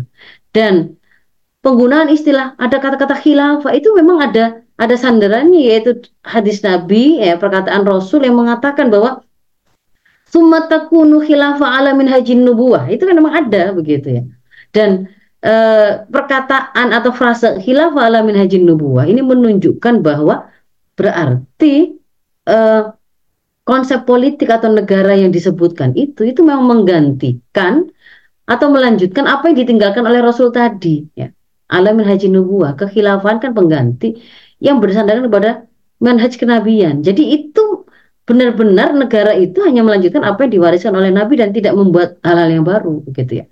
Nah, kalau kita membuka uh, kitab Al-Fiqhul Islami wa Adilatuhu karangan Wahbah Zuhaili, di situ disampaikan secara istilah maknanya khilafah itu, ya, khilafah itu sebenarnya bagian dari ajaran Islam, bagian dari ajaran Islam yang dalam istilah modern disamakan atau setara dengan kata atau istilah ad-daulah Islamiyah atau negara Islam atau nizamul hukmi fil Islam atau sistem pemerintahan dalam Islam. Jadi ya bukan sesuatu yang ini apa namanya ketika dulu itu dibahas oleh para ulama baik yang salah maupun yang mutakhir itu sebenarnya meletakkan ini sebagai bagian dari Islam itu tidak ada tidak ada istilah dalam hal ini itu memang bagian dari bagian dari ajaran Islam begitu loh dan tidak kemudian kita katakan bahwa Eh, para ulama ini tuh radikal tidak. Oh, memang memang sandaran bagaimana kemudian menggali hukum bahwa khilafah itu bagian dari ajaran Islam itu sesuatu yang tidak pernah ada yang mempertanyakan begitu. Kalau istilah para buah dulu, khilafah ini disebut juga dengan istilah imam atau darul Islam. Nah, ini secara definisinya mungkin untuk memahami agar gensi paham. Jadi kepemimpinan yang sifatnya umum itu seluruh kaum muslimin untuk ngapain mener ikomati ahkamil ahkam syara'il islami fit ya menegakkan hukum-hukum syariat Islam di dalam negeri dan wahamli dakwah Islamiyah ilal alam untuk uh, politik luar negerinya. Dia menyampaikan dan men me mendakwahkan Islam tadi ke seluruh dunia. Siapa yang bisa melakukan itu? Yaitulah khilafah tadi atau sistem politik pemerintahan Islam. Jadi inti dari khilafah itu adalah tiga hal ini. Uhuah syariah dan dakwah. Uhuah karena dengan dengan khilafah itu akan membuat kaum muslim seluruh dunia itu disatukan dalam satu kepemimpinan, satu negara, satu sistem politik. Maka yang namanya ukhuwah Islam itu bahkan akan menemukan realitanya secara real gitu ya. Yang kedua, khilafah itu yang akan menerapkan syariat Islam secara kafah. Yang ketiga, dia yang akan mengantarkan e, menyebarkan Islam ke seluruh seluruh alam. Nah, ini kalau Imam Al-Mawardi mengatakan tugas khalifah itu. Jadi ini kajian tentang khilafah dan khalifah itu itu ya memang sangat lekat dengan Islam. Dan Gen Z kaum muslimin terutama Gen Z harus paham. Harus dia harus ngaji begitu ya, supaya ngerti bahwa oh ternyata khilafah itu bukan monster. Khilafah tidak sama dengan ISIS. Karena para ulama itu menunjukkan bahwa khilafah itulah yang kemudian bertugas untuk menjaga akidah, dia akan menyelesaikan perselisihan, dia akan menebarkan keamanan, dia akan menerapkan hudud kalau misalnya ada orang yang melakukan pelanggaran, dia akan melindungi perbatasan ke, perbatasan negeri kaum muslimin dari pencaplokan atau penjajahan, memerangi musuh, uh, kemudian mengambil kekayaan-kekayaan itu menjadi sumber pendapatan negara dan seterusnya. Nah, jadi ini uh, sejak zamannya sahabat Amir Mukminin Utsman bin Affan juga mengatakan bahwa kekuasaan penguasa itu bisa menghilangkan sesuatu yang tidak bisa dihilangkan oleh Al-Qur'an ya. Kekuasaan ya. Ketika kemudian maknanya itu adalah bahwa kalau Al-Qur'an itu hanya Al-Qur'an saja dalam bentuk konsep tapi tidak diterapkan yang penerapan di kehidupan nyata itu membutuhkan kekuasaan untuk menerapkannya maka yang namanya mau mewujudkan kesejahteraan ya nggak bisa terwujud mau mewujudkan keadilan bagi orang yang kemudian terdolimi haknya misalkan ada yang anggota keluarganya dianiaya, dibunuh dan seterusnya, ya tidak akan bisa di, diwujudkan. Itu maksud dari ini ya, bahwa ke, wewenang kekuasaan itu bisa menghilangkan sesuatu yang tidak bisa dihilangkan Al-Quran. Kemudian ya, jadi ini saya kira cukup untuk ini ya, secara secara secara apa namanya e, resumenya gitu ya. Jadi Islam itu adalah kalau ulama membaginya itu akidah dan syariah. Akidah keyakinan yang gampangannya kita mengenal dengan rukun iman, meyakini akan keberadaan Allah sebagai pencipta dan sumber dari segala sesuatu tadi, yang mengirimkan petunjuknya dalam bentuk Alkitab dibawa oleh malaikat, disampaikan kepada Rasulnya, di dalam kitab tadi menceritakan tentang hari kiamat dan e, mengimani kepada kota qadar. Ini kemudian akan mengantarkan kepada pilihan hidup yaitu menjadikan syariah kafah itu sebagai way of life-nya. Dan syariah kafah itu membutuhkan negara sebagai institusi pelaksana syariahnya. Jadi di sini inilah gambaran Islam itu. Meyakini ini, ya itu sesuatu yang harus kita yakini. Tidak kemudian kalau kita meyakini khilafah bagian dari jalan Islam berarti radikal, oh tidak. Kalau meyakini akidah kita yang benar berarti kita radikal, tidak. Maka kita menjadi tidak ragu-ragu sama sekali. Dan lalu tentang intoleransi radikalisme terorisme.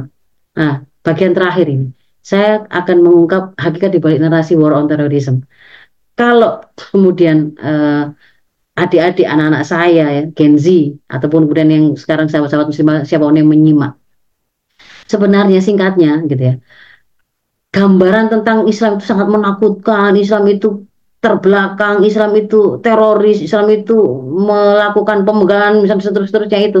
Itu sebenarnya adalah narasi Islamofobi narasi Islamofobi yang memang dikembangkan oleh para penjajah di negeri-negeri Muslim untuk mempertahankan hegemoni mereka.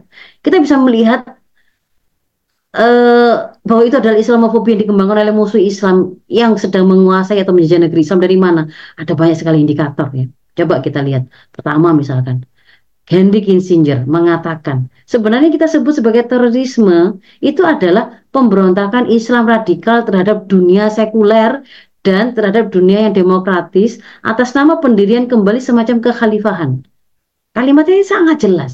Jadi yang mereka sasar dengan terorisme, dikatakan sebagai teroris itu, mereka kasih julukan peyoratif ya, stigmatisasi, itu Islam yang radikal, yang menolak sekulerisme, yang menolak demokrasi, yang menginginkan khilafah. Berarti kan begitu kan?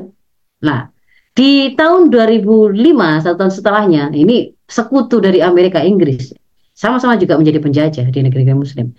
Kriteria ideologi iblis ingin mengeliminasi Israel, yang menginginkan Israel lenyah dari Palestina. Siapa?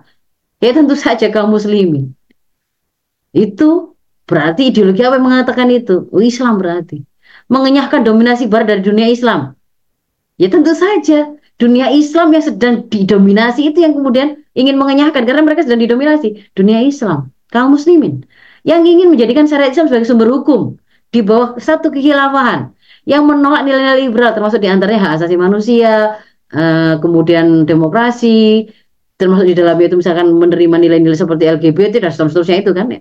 Nah jadi uh, bahkan jauh sebelum itu dalam sebuah tesis ya pasca keruntuhan uh, sosialisme uh, pasca keruntuhan Uni Soviet itu Huntington mengatakan bagi Barat sebenarnya jadi musuh itu bukan fundamentalisme Islam tapi Islam itu sendiri sebenarnya yang sedang di, disasar untuk kemudian berusaha di dikebiri untuk tidak muncul sampai me, mengenyahkan dominasi mereka itu Islam itu sendiri begitu.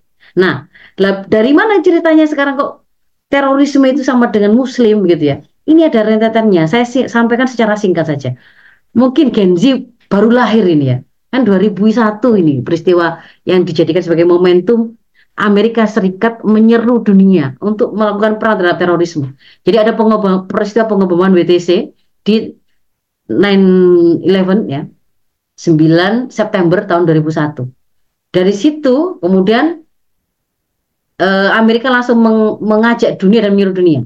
Anda memerangi terorisme berdiri bersama kami atau kalau Anda tidak mau berarti Anda terorisnya. Untuk negara di dunia diseru oleh negara adidaya seperti itu ya. Yang kemudian merasa lebih lemah dari adidaya tentu saja mengikuti atau mengekor maunya si adidaya ini. Mereka rame-rame ikut memerangi terorisme. Nah, begitu kan ya. Siapa yang dimaksud sebagai terorisme itu? Dalam war on terrorism itu yang kemudian di kemudian hari nggak cukup menggunakan war on terrorism karena kalau terorisme itu kan masih uh, uh, harus ada aksi nyata kekerasannya. Mereka mau mau mencegahnya mulai dari yang sifatnya opini, belum aksi, masih berupa ide. Maka mereka perkenalkan dengan war on radicalism, gitu, war on radikalisme, perang terhadap radikalisme, yang dijadikan sasaran perang itu yang sebagai teroris dan radikalis itu siapa? Itu Islam dan ide khilafah yang jadi tertuduh. Dan kemudian diikuti dan beberapa rekomendasi yang dikeluarkan oleh uh, Rand Corporation ya di tahun 2003 di situ diperkenalkan bagaimana strategi untuk mendemokratisasi Islam dan negeri kaum muslimin dan kemudian diperkenalkan juga uh, strategi memoderatkan memunculkan atau membangun jaringan kaum muslimin moderat. Jadi di sini mulai ada yang namanya diperkenalkan politik belah bambu itu. Kaum muslimin dibagi-bagi ada ada kaum muslim yang moderat, ada yang radikal, ada yang fundamental ya, ada yang modern. Nah, itu di sini. Itu dari, dari, rekomendasi ini. Dan pada tahun 2015-2016 eh, PBB kemudian mengeluarkan apa namanya? Eh, langkah tindak untuk mencegah kekerasan dan ekstremisme. Nah, ini kemudian di follow up ya. Jadi United Nations mengeluarkan Plan of Action to Prevent Violent Extremism. Itu kemudian diadopsi oleh seluruh negeri-negeri di dunia ya terutama yang menjadi statusnya adalah negara pengekor ya meskipun mengaku sebagai negara berdaulat tapi faktanya memang kemudian mengikuti apa kebijakan yang disetir oleh oleh uh, adidaya tersebut kita kemudian mengeluarkan uh, peraturan presiden nomor 7 tahun 2021 untuk me, me, menerjemahkan plan of action ini Judulnya juga sama persis ya, Rencana Aksi Nasional Pencegahan dan Penanggulangan Ekstremisme berbasis kekerasan yang mengarah pada terorisme. Dan itu diperbarui lagi dengan Perpres eh, berapa nomor yang tentang tahun di tahun 2023 itu ya, yang tentang moderasi, tentang moderasi beragama. Nah, di sini dikeluarkan konsep menanggulangi terorisme dengan pendekatan pentahelix melibatkan kampus, melibatkan pelaku usaha, melibatkan media, melibatkan masyarakat itu. Nah, ini dikatakan oleh Kemenak pada tahun eh, pada waktu peran PE ini Perpres ini tadi dikeluarkan, wah itu relevan dengan visi moderasi beragama yang memang dicanangkan. Ini roadmap moderasi beragamanya. Ingat tadi kan ada di akhir dari penelitian tadi kan eh, rekomendasinya adalah lakukan moderasi beragama. Kan gitu kan? Masukkan ke kurikulum proses pendidikan yang mengadopsi kurikulum moderat dan seterusnya. Nah sebenarnya kalau kemudian kita buka kita telusuri dari asalnya eh, strategi memoderatkan kaum muslimin atau keberagamaan kaum muslimin itu ada di sini ini ya di yang bawah ini ya Building Modern Muslim Network Rand Center for Middle East Public Policy dikeluarkan di tahun 2007 Nah, di situ itu lima proyek moderasi itu satu berusaha mensekulerkan kaum muslimin. Sekularisme. Boleh agama Islam tapi nggak usah bawa-bawa agama Islam tadi kalau ngatur tentang misalkan memilih pemimpin. Kemudian kalau memilih pemimpin bawa agama akhirnya kan harus muslim misalkan. Nah, itu nggak boleh karena kalau seperti itu berarti belum moderat. Jadi sekularisme tinggalkan. Relativisme merelatifkan ajaran agama. Tidak boleh ada klaim kebenaran. Nggak boleh ada kebenar kebenaran itu tidak tunggal. Semua benar. Ini ini ini kan akan membuat tadi itu bertentangan dengan inat dina indawal Islam ya. Kita akidah kita itu digerus dengan tidak boleh meyakini seperti itu. Lalu kontekstualisme atau substansialisme.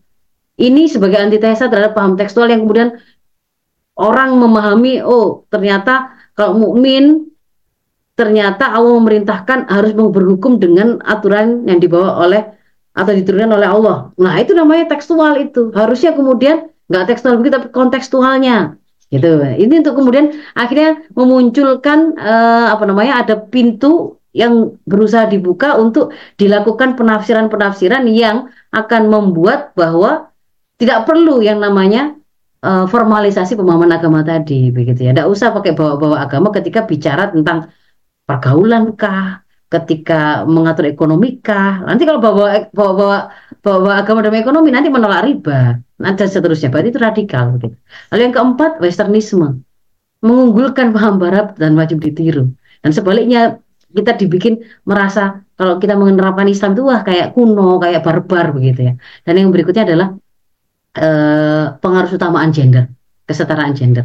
Nah, ini sebenarnya tidak pernah ada dalam ada dalam sejarah kehidupan kaum muslimin yang kemudian me- merasa bermasalah dalam hal me, apa namanya meletakkan kemuliaan kita dibandingkan laki-laki itu sebenarnya kita itu sudah jelas saja ini sudah sudah paham begitu tidak pernah kemudian memiliki masalah karena um, Rasul saja mengatakan surga di bawah telapak kaki ibu bahwa anisa sako urijal nisa ini setara dengan laki-laki dan seterusnya jadi sebenarnya kalau kita memahami maka kita akan bisa melihat lima proyek ini itu sebenarnya yang diinginkan itu apa gitu ya. Yang diinginkan itu ya satu sisi melemahkan profil dan karakter kita sebagai muslim akidahnya di digoyang keterikatan kita kepada syariah sebagai konsekuensi iman itu berusaha dilemahkan kan gitu kan ya lalu kita berusaha dijauhkan dari mendekat kepada syariah karena kalau orang berusaha belajar syariah terutama yang di luar masalah ritual wah itu nanti di stigma sebagai teroris radikal kan begitu kan ya? Sholat malam, jidatnya hitam, pakai uh, baju yang menutup aurat berbahasa Arab itu bahkan disebut oleh tokoh-tokoh di negeri ini itu tertentu ya itu sebagai tanda-tanda radikalisme gitu ya. Nah, jadi sebenarnya war on terrorism itu satu sisi melemahkan profil karakter generasi, sisi yang lain sedang melakukan pecah belah politik belah bambu kepada umat. Dan yang diinginkan sebenarnya adalah akhirnya kita kaum muslimin itu tidak mengenal Islam, sehingga kita tidak tahu bagaimana harusnya kita mengelola sumber daya alam sehingga kalau sumber daya alam tadi itu dikuasai oleh asing atau penjajah kita tidak bisa protes kita tidak ngerti bahwa itu adalah bentuk penjajahan sehingga akhirnya ini sebenarnya mencegah dan menghalangi kebangkitan umat Islam dan mempertahankan hegemoni penjajah. Saya kira itu alhamdulillahirobbilalamin uh, demikian Mbak Ika yang bisa saya sampaikan. Ya Ustazah. Luar biasa sekali penjelasan Ustazah, sangat lengkap. Nah ini. Ini bonus banget ini buat sahabat Muslimah News ya, yang apa itu uh, mungkin sudah dalam waktu kurang lebih satu setengah jam ini sudah dirangkum, dijelaskan secara gamblang bagaimana buku tentang Gen Z ini ya, kegagalan kegagalan identitas keagamaan. Kegalauan itu. Kegalauan. Oh iya, kegalauan. Jangan diganti nanti marah nanti yang punya buku. Iya, betul betul. Jadi kita ya, tadi betul. hanya kalau yang kita bahas itu tadi data di bab satunya ya. Saya hmm. nggak masuk ke bab berikutnya, yeah. tapi sebenarnya bab berikutnya itu juga uh, adalah penjelasan versi mereka, gitu ya. Mereka membahas bagaimana sih intoleransi itu berawal, itu begitu. Tapi kita tidak masuk ke sana, tapi kita justru memberikan modal ya untuk bersikap dengan tepat. Apakah benar memang Genzi itu galau? Enggak. Kalau Genzi Muslim enggak galau. Jelas sikapnya iya, gitu. Iya betul betul. Saya terangkan tadi ya. Iya betul betul Ustaz. Nah ini ini bisa buat bekal sahabat muslimah news untuk ya menghadapi bagaimana kondisi remaja Genzi hari ini. Nah ini saya bacakan dulu saja uh, komentar-komentar yang ada di di mana ini? Di fanpage Muslimah News. Ada Suryati Suryati ini Masya Allah luar biasa saja. Ada Tiwi Umi Mutkin. Kaum Islamofobia ini nggak mau tabayun kerjaannya ngarang-ngarang untuk memfitnah ajaran Islam. Dari Titin semoga Gen Z semakin paham ya dan semangat menegakkan Islam Atu Atun Riani HI selamatkan generasi dari paham moderasi beragama ini juga ada dari Bu Tiwi lagi ya. Di balik yang menolak khilafah dan menganggap sekularisme kapitalisme yang benar dia, dia sendiri sebenarnya yang radikal. Terus ini juga ada dari Madiun ya Ari Ariatul Fatimah hadir Jujun Marjana Masya Allah hanya Islam yang mampu melindungi generasi dan akidahnya. Ada juga dari Retno Nurliana Diantoro Masya Allah nyimak Ustazah ada ini dari Pekanbaru. Selanjutnya dari Fitri Yuliana Jabar, ini dari Kendari hadir. Wah, ini dari Madiun, Pekanbaru. Terus juga dari Kendari ini sudah mewakili ini, mewakili dari tiga pulau ini ya. Kalimantan mana ini ya Kalimantan? Apakah sudah absen nih Ibu-ibu apa Mbak-mbak semuanya yang di sahabat Muslimah News? Monggo silahkan sahabat muslimah yang ingin bertanya untuk menyampaikan komen apa pertanyaannya di kolom komentar silahkan disampaikan atau menyampaikan pernyataannya juga boleh.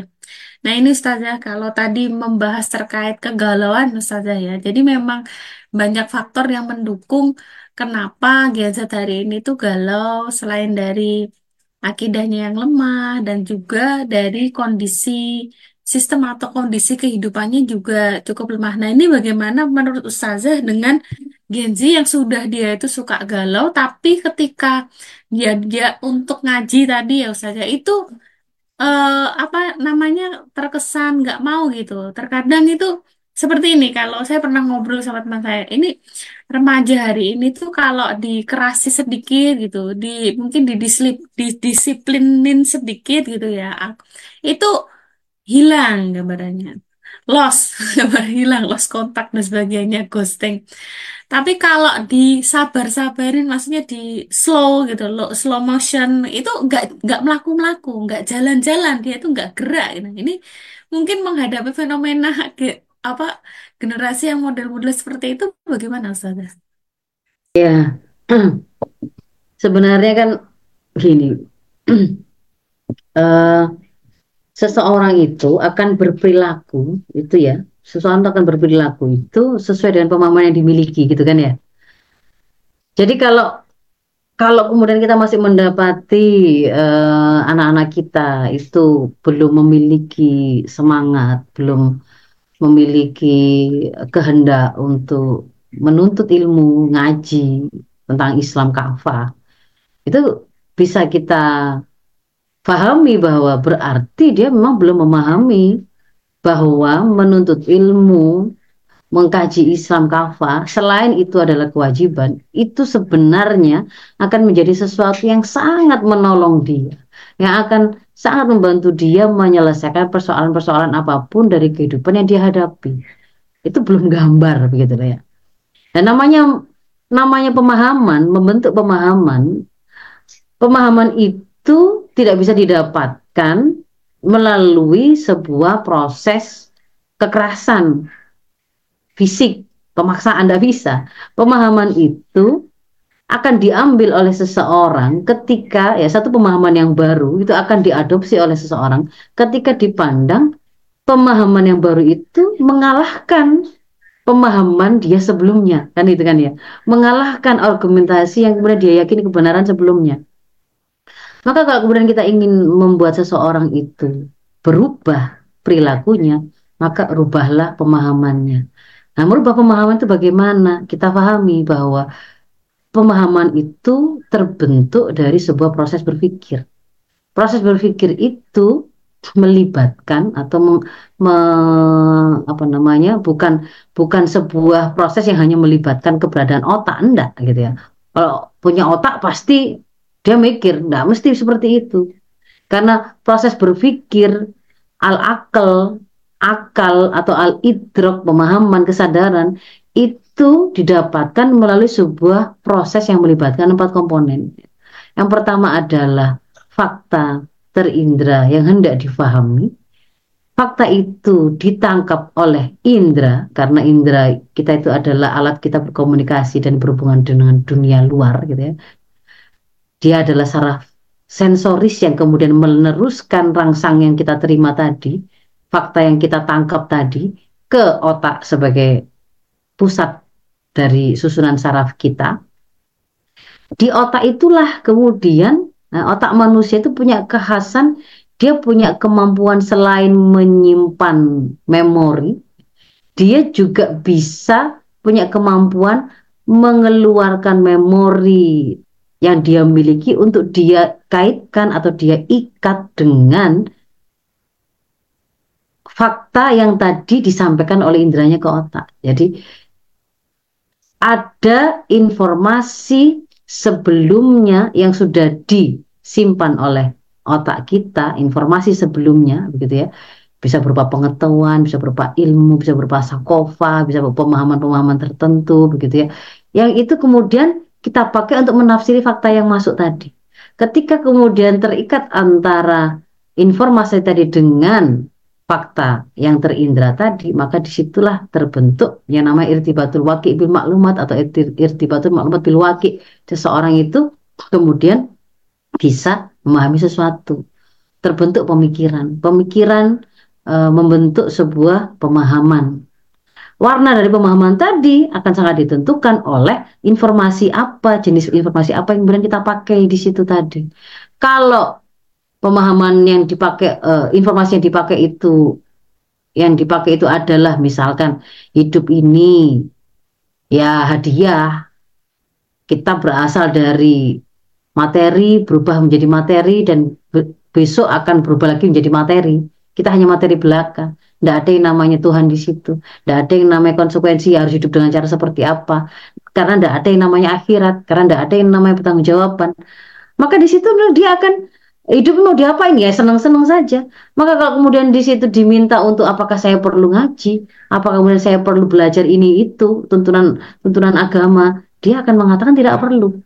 Tapi kalau kemudian dia tertunjuki kepada akidah Islam, lalu kemudian kita berikan modal sesuai dengan tumbuh kembangnya itu secara alami gitu ya sesuai dengan proses berpikir kemampuan berpikir yang dia miliki oleh anak-anak kita miliki tadi itu seluruh modal-modal berpikir yang tadi harus dia miliki tadi itu. Kita berikan kita asah kita asah uh, indranya dengan melatihnya untuk melihat fakta apa pun memikirkannya me meneruskannya ke otak otak itu kita kita dukung tumbuh kembangnya dengan asupan gizi, dengan kemudian memberikan informasi-informasi sakopa pengetahuan yang dibutuhkan sesuai dengan tumbuh kembangnya.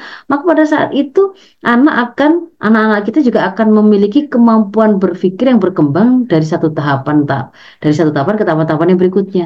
Dari sebuah proses berpikir yang mulanya sifatnya hanya konkret menuju ke sifatnya yang abstrak dari dari yang sifatnya itu sederhana menjadi lebih kompleks dari sekedar tadinya itu menjawab apa ini apa itu menjadi mengapa bagaimana proses sesuatu dibalik dibalik sesuatu yang nampak bahkan bisa kemudian dia pikirkan. Nah ini mengharuskan orang tua memahami bagaimana melakukan proses pendidikan pada anak-anak mereka gitu ya.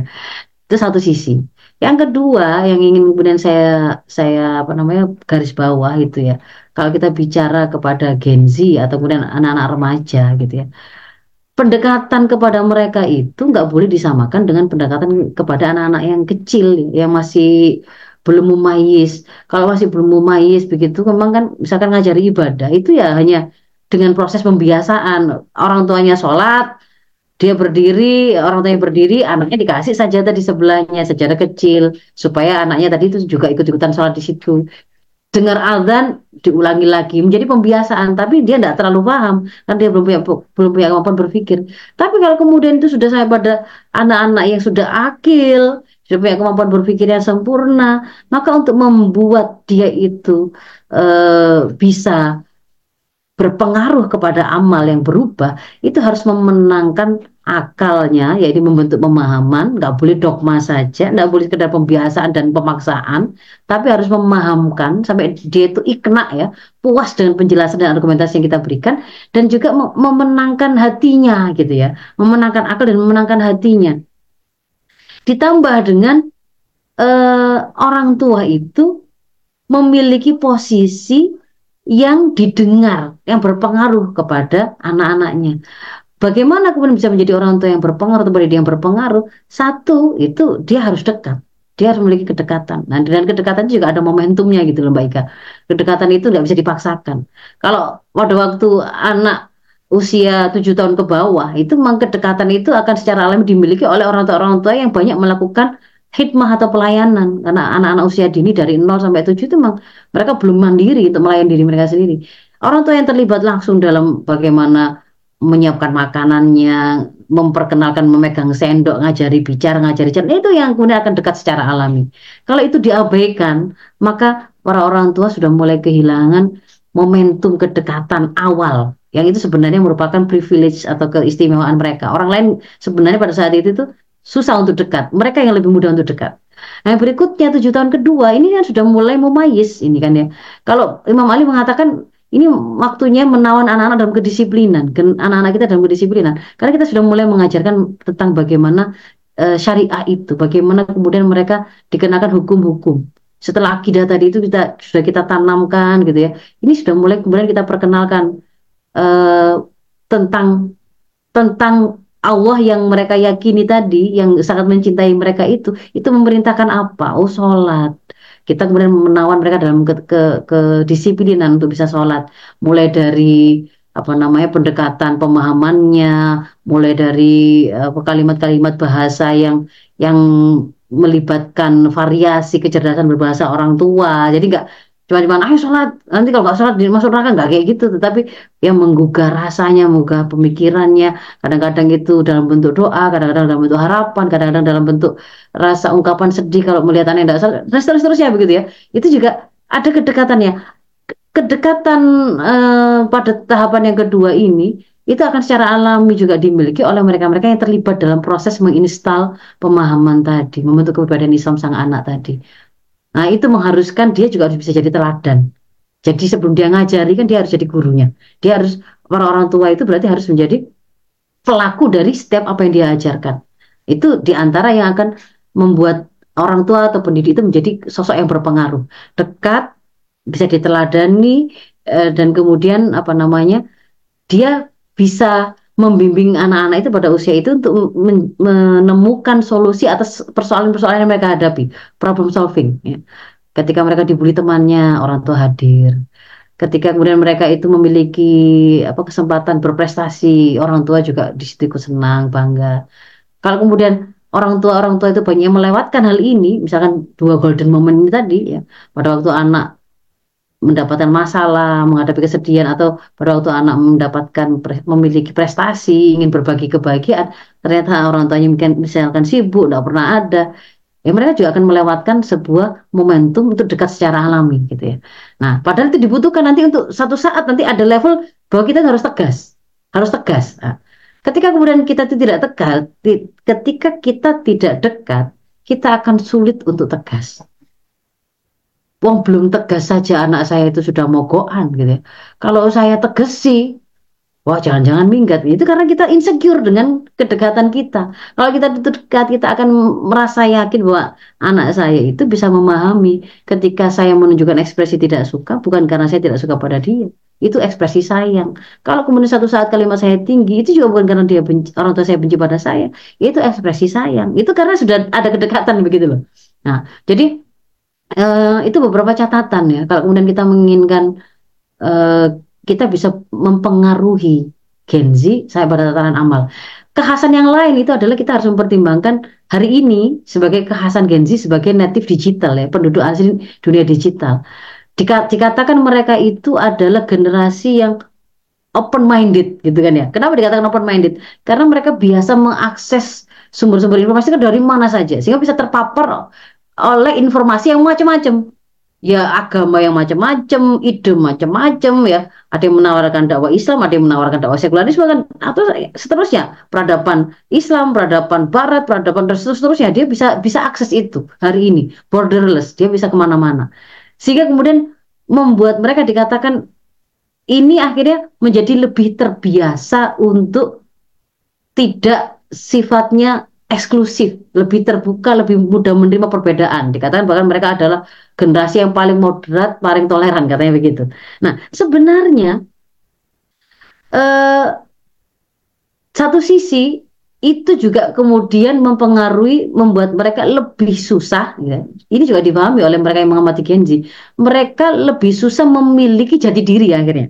Lebih susah memiliki jati diri karena semua hal dipandang dia dapatkan informasinya dan semua hal dipandang baik dan semua harus dihargai. Akhirnya dia ada pada posisi di mana mereka bingung.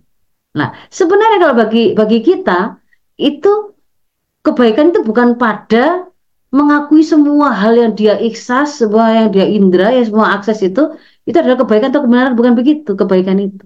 Tetapi bahwa kita harus berhasil menemukan mana kebenaran di antara semua pilihan-pilihan yang ada. Nah, cuman pendekatannya itu berarti adalah karena Gen Z adalah generasi yang sangat sangat mudah untuk mendapatkan informasi, mengakses informasi dari mana saja, maka yang menjadi kewajiban bagi kita kalau kita ingin memenangkan pemahamannya Gen Z adalah kita harus bisa memberikan argumentasi yang bisa mengalahkan semua argumentasi-argumentasi yang lain sampai kemudian bisa membuat dia bisa melihat oh ya memang itulah yang benar begitu loh. Gitu. Nah, jadi jangan seperti kata dalam tempurung nggak pernah tahu apa pun lalu pokoknya hanya satu penjelasan hanya satu jalan satu cara saja contoh ya itu itu saja padahal si Gen Z-nya itu misalkan gini ya eh, yang kita tahu pokoknya oh semua berbau Korea, oh kafir, wah itu berarti nggak bagus. Padahal yang kemudian dimaksudkan oleh anak-anak kita yang Gen Z itu dia nggak nggak kemudian mengagumi uh, misalkan idol Koreanya itu itu karena uh, misalkan karena agamanya begitu ya? Enggak enggak membuat mereka tertarik untuk mengikuti agama mereka yang agnostik yang tidak beragama. Tidak tetapi pada nilai-nilai yang lain. Nah kita jangan serta-merta kemudian melihatnya itu gelondongan gitu. Tidak ada kebaikan plus misalnya begitu pada pada K-pop tapi kemudian kita bisa melihat gimana sih cara berpikirnya si si Gen Z itu? Apa sih yang kemudian mereka anggap sebagai kebaikan? Lalu kita mulai masuk ke situ untuk kemudian kita komparasi dengan penjelasan Islam. Kan kita yang memiliki sakofa itu kita tunjukkan. Sehingga kemudian membuat Gen Z bisa mendudukkan oh ternyata orang tua saya itu bukan orang tua yang kemudian pokoknya bukan berbau Islam nggak ada bahasa-bahasa Arab yang langsung dikatakan kafir gitu ya tapi dia memang ternyata orang tua saya mencoba memahami, mengerti, mengenali, dapat informasi itu. Dia juga kenal bahwa saya itu senang dengan uh, struggle-nya, semangat yang dimiliki oleh K-pop idol itu, misalnya begitu. Tapi sebenarnya justru ajaran Islam tentang bagaimana kita itu harus terus tidak pernah menyerah dan jangan hanya berpangku pada uh, sumber daya yang sifatnya fisik karena kita punya Allah itu justru diajarkan oleh Islam kan begitu. Itu kita membutuhkan ke apa namanya skill keterampilan menyampaikan Islam itu mengemasnya sesuai dengan kekhasan Genzi bahwa dia itu karena open minded karena terbuka akses untuk meng mengakses apa pun informasinya. Berarti kita juga harus mengetahui apa saja informasi-informasi mereka akses. Lalu kemudian kita dudukkan kita kalahkan informasi yang dijadikan argumentasi oleh anak-anak kita tadi sampai kemudian bisa membuat dia teryakinkan bahwa itu adalah kebenarannya bukan dengan cara dipaksa atau dogma. Dan untuk melakukan hal itu kita bisa kemudian memanfaatkan eh, apa namanya wasilah-wasilah belajar sebagaimana khasnya Gen Z hari ini. Karena mereka sangat dekat dengan gadget gitu ya. Kita bisa manfaatkan dakwah itu melalui gadget tadi. Mereka biasa melihat itu melalui video pendek. Mereka biasa mendengar, uh, mengakses YouTube untuk kemudian mendengarkan dakwah-dakwah Islam. Kita mungkin bisa memberikan link-link dakwah yang itu kita harapkan membuat dia semakin kenal Islam kafah misalkan dan seterusnya. Mungkin itu Mbak Ika. Ya, Ustazah.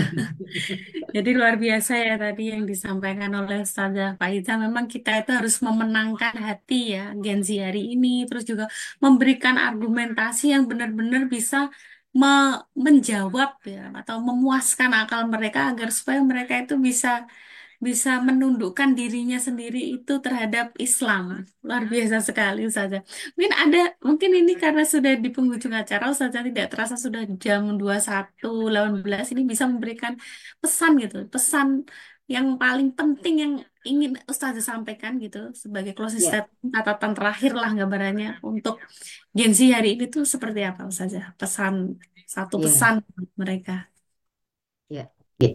Jadi ketika kita itu menjadi seorang muslim ya menjadi seorang muslim mau kita generasi apa pun generasi baby boomers generasi X generasi milenial generasi Z nanti generasi apa atau generasi-generasi setelahnya gitu ya bahkan sejak generasi Nabi Adam ketika yeah. kemudian kita itu tertunjuki kepada Islam maka kita akan menjadi orang yang dibimbing untuk memiliki jalan hidup yang jelas. Ketika kita memiliki arah target tujuan yang jelas apa yang hendak kita cari, oh kita ingin mendapatkan ridho Allah dan kemudian uh, diberikan surga. Karena keridhaan Allah kita diberikan surga sebagai uh, akhir ketika kemudian kita meninggal dan dihidupkan kembali gitu kan ya. Dan surga itu atau keridhaan Allah itu bisa kita dapatkan kalau kita menjalani seluruh perjalanan episode hidup kita sesuai dengan tuntunannya. Dan itu merupakan konsekuensi keimanan kita kepada Allah.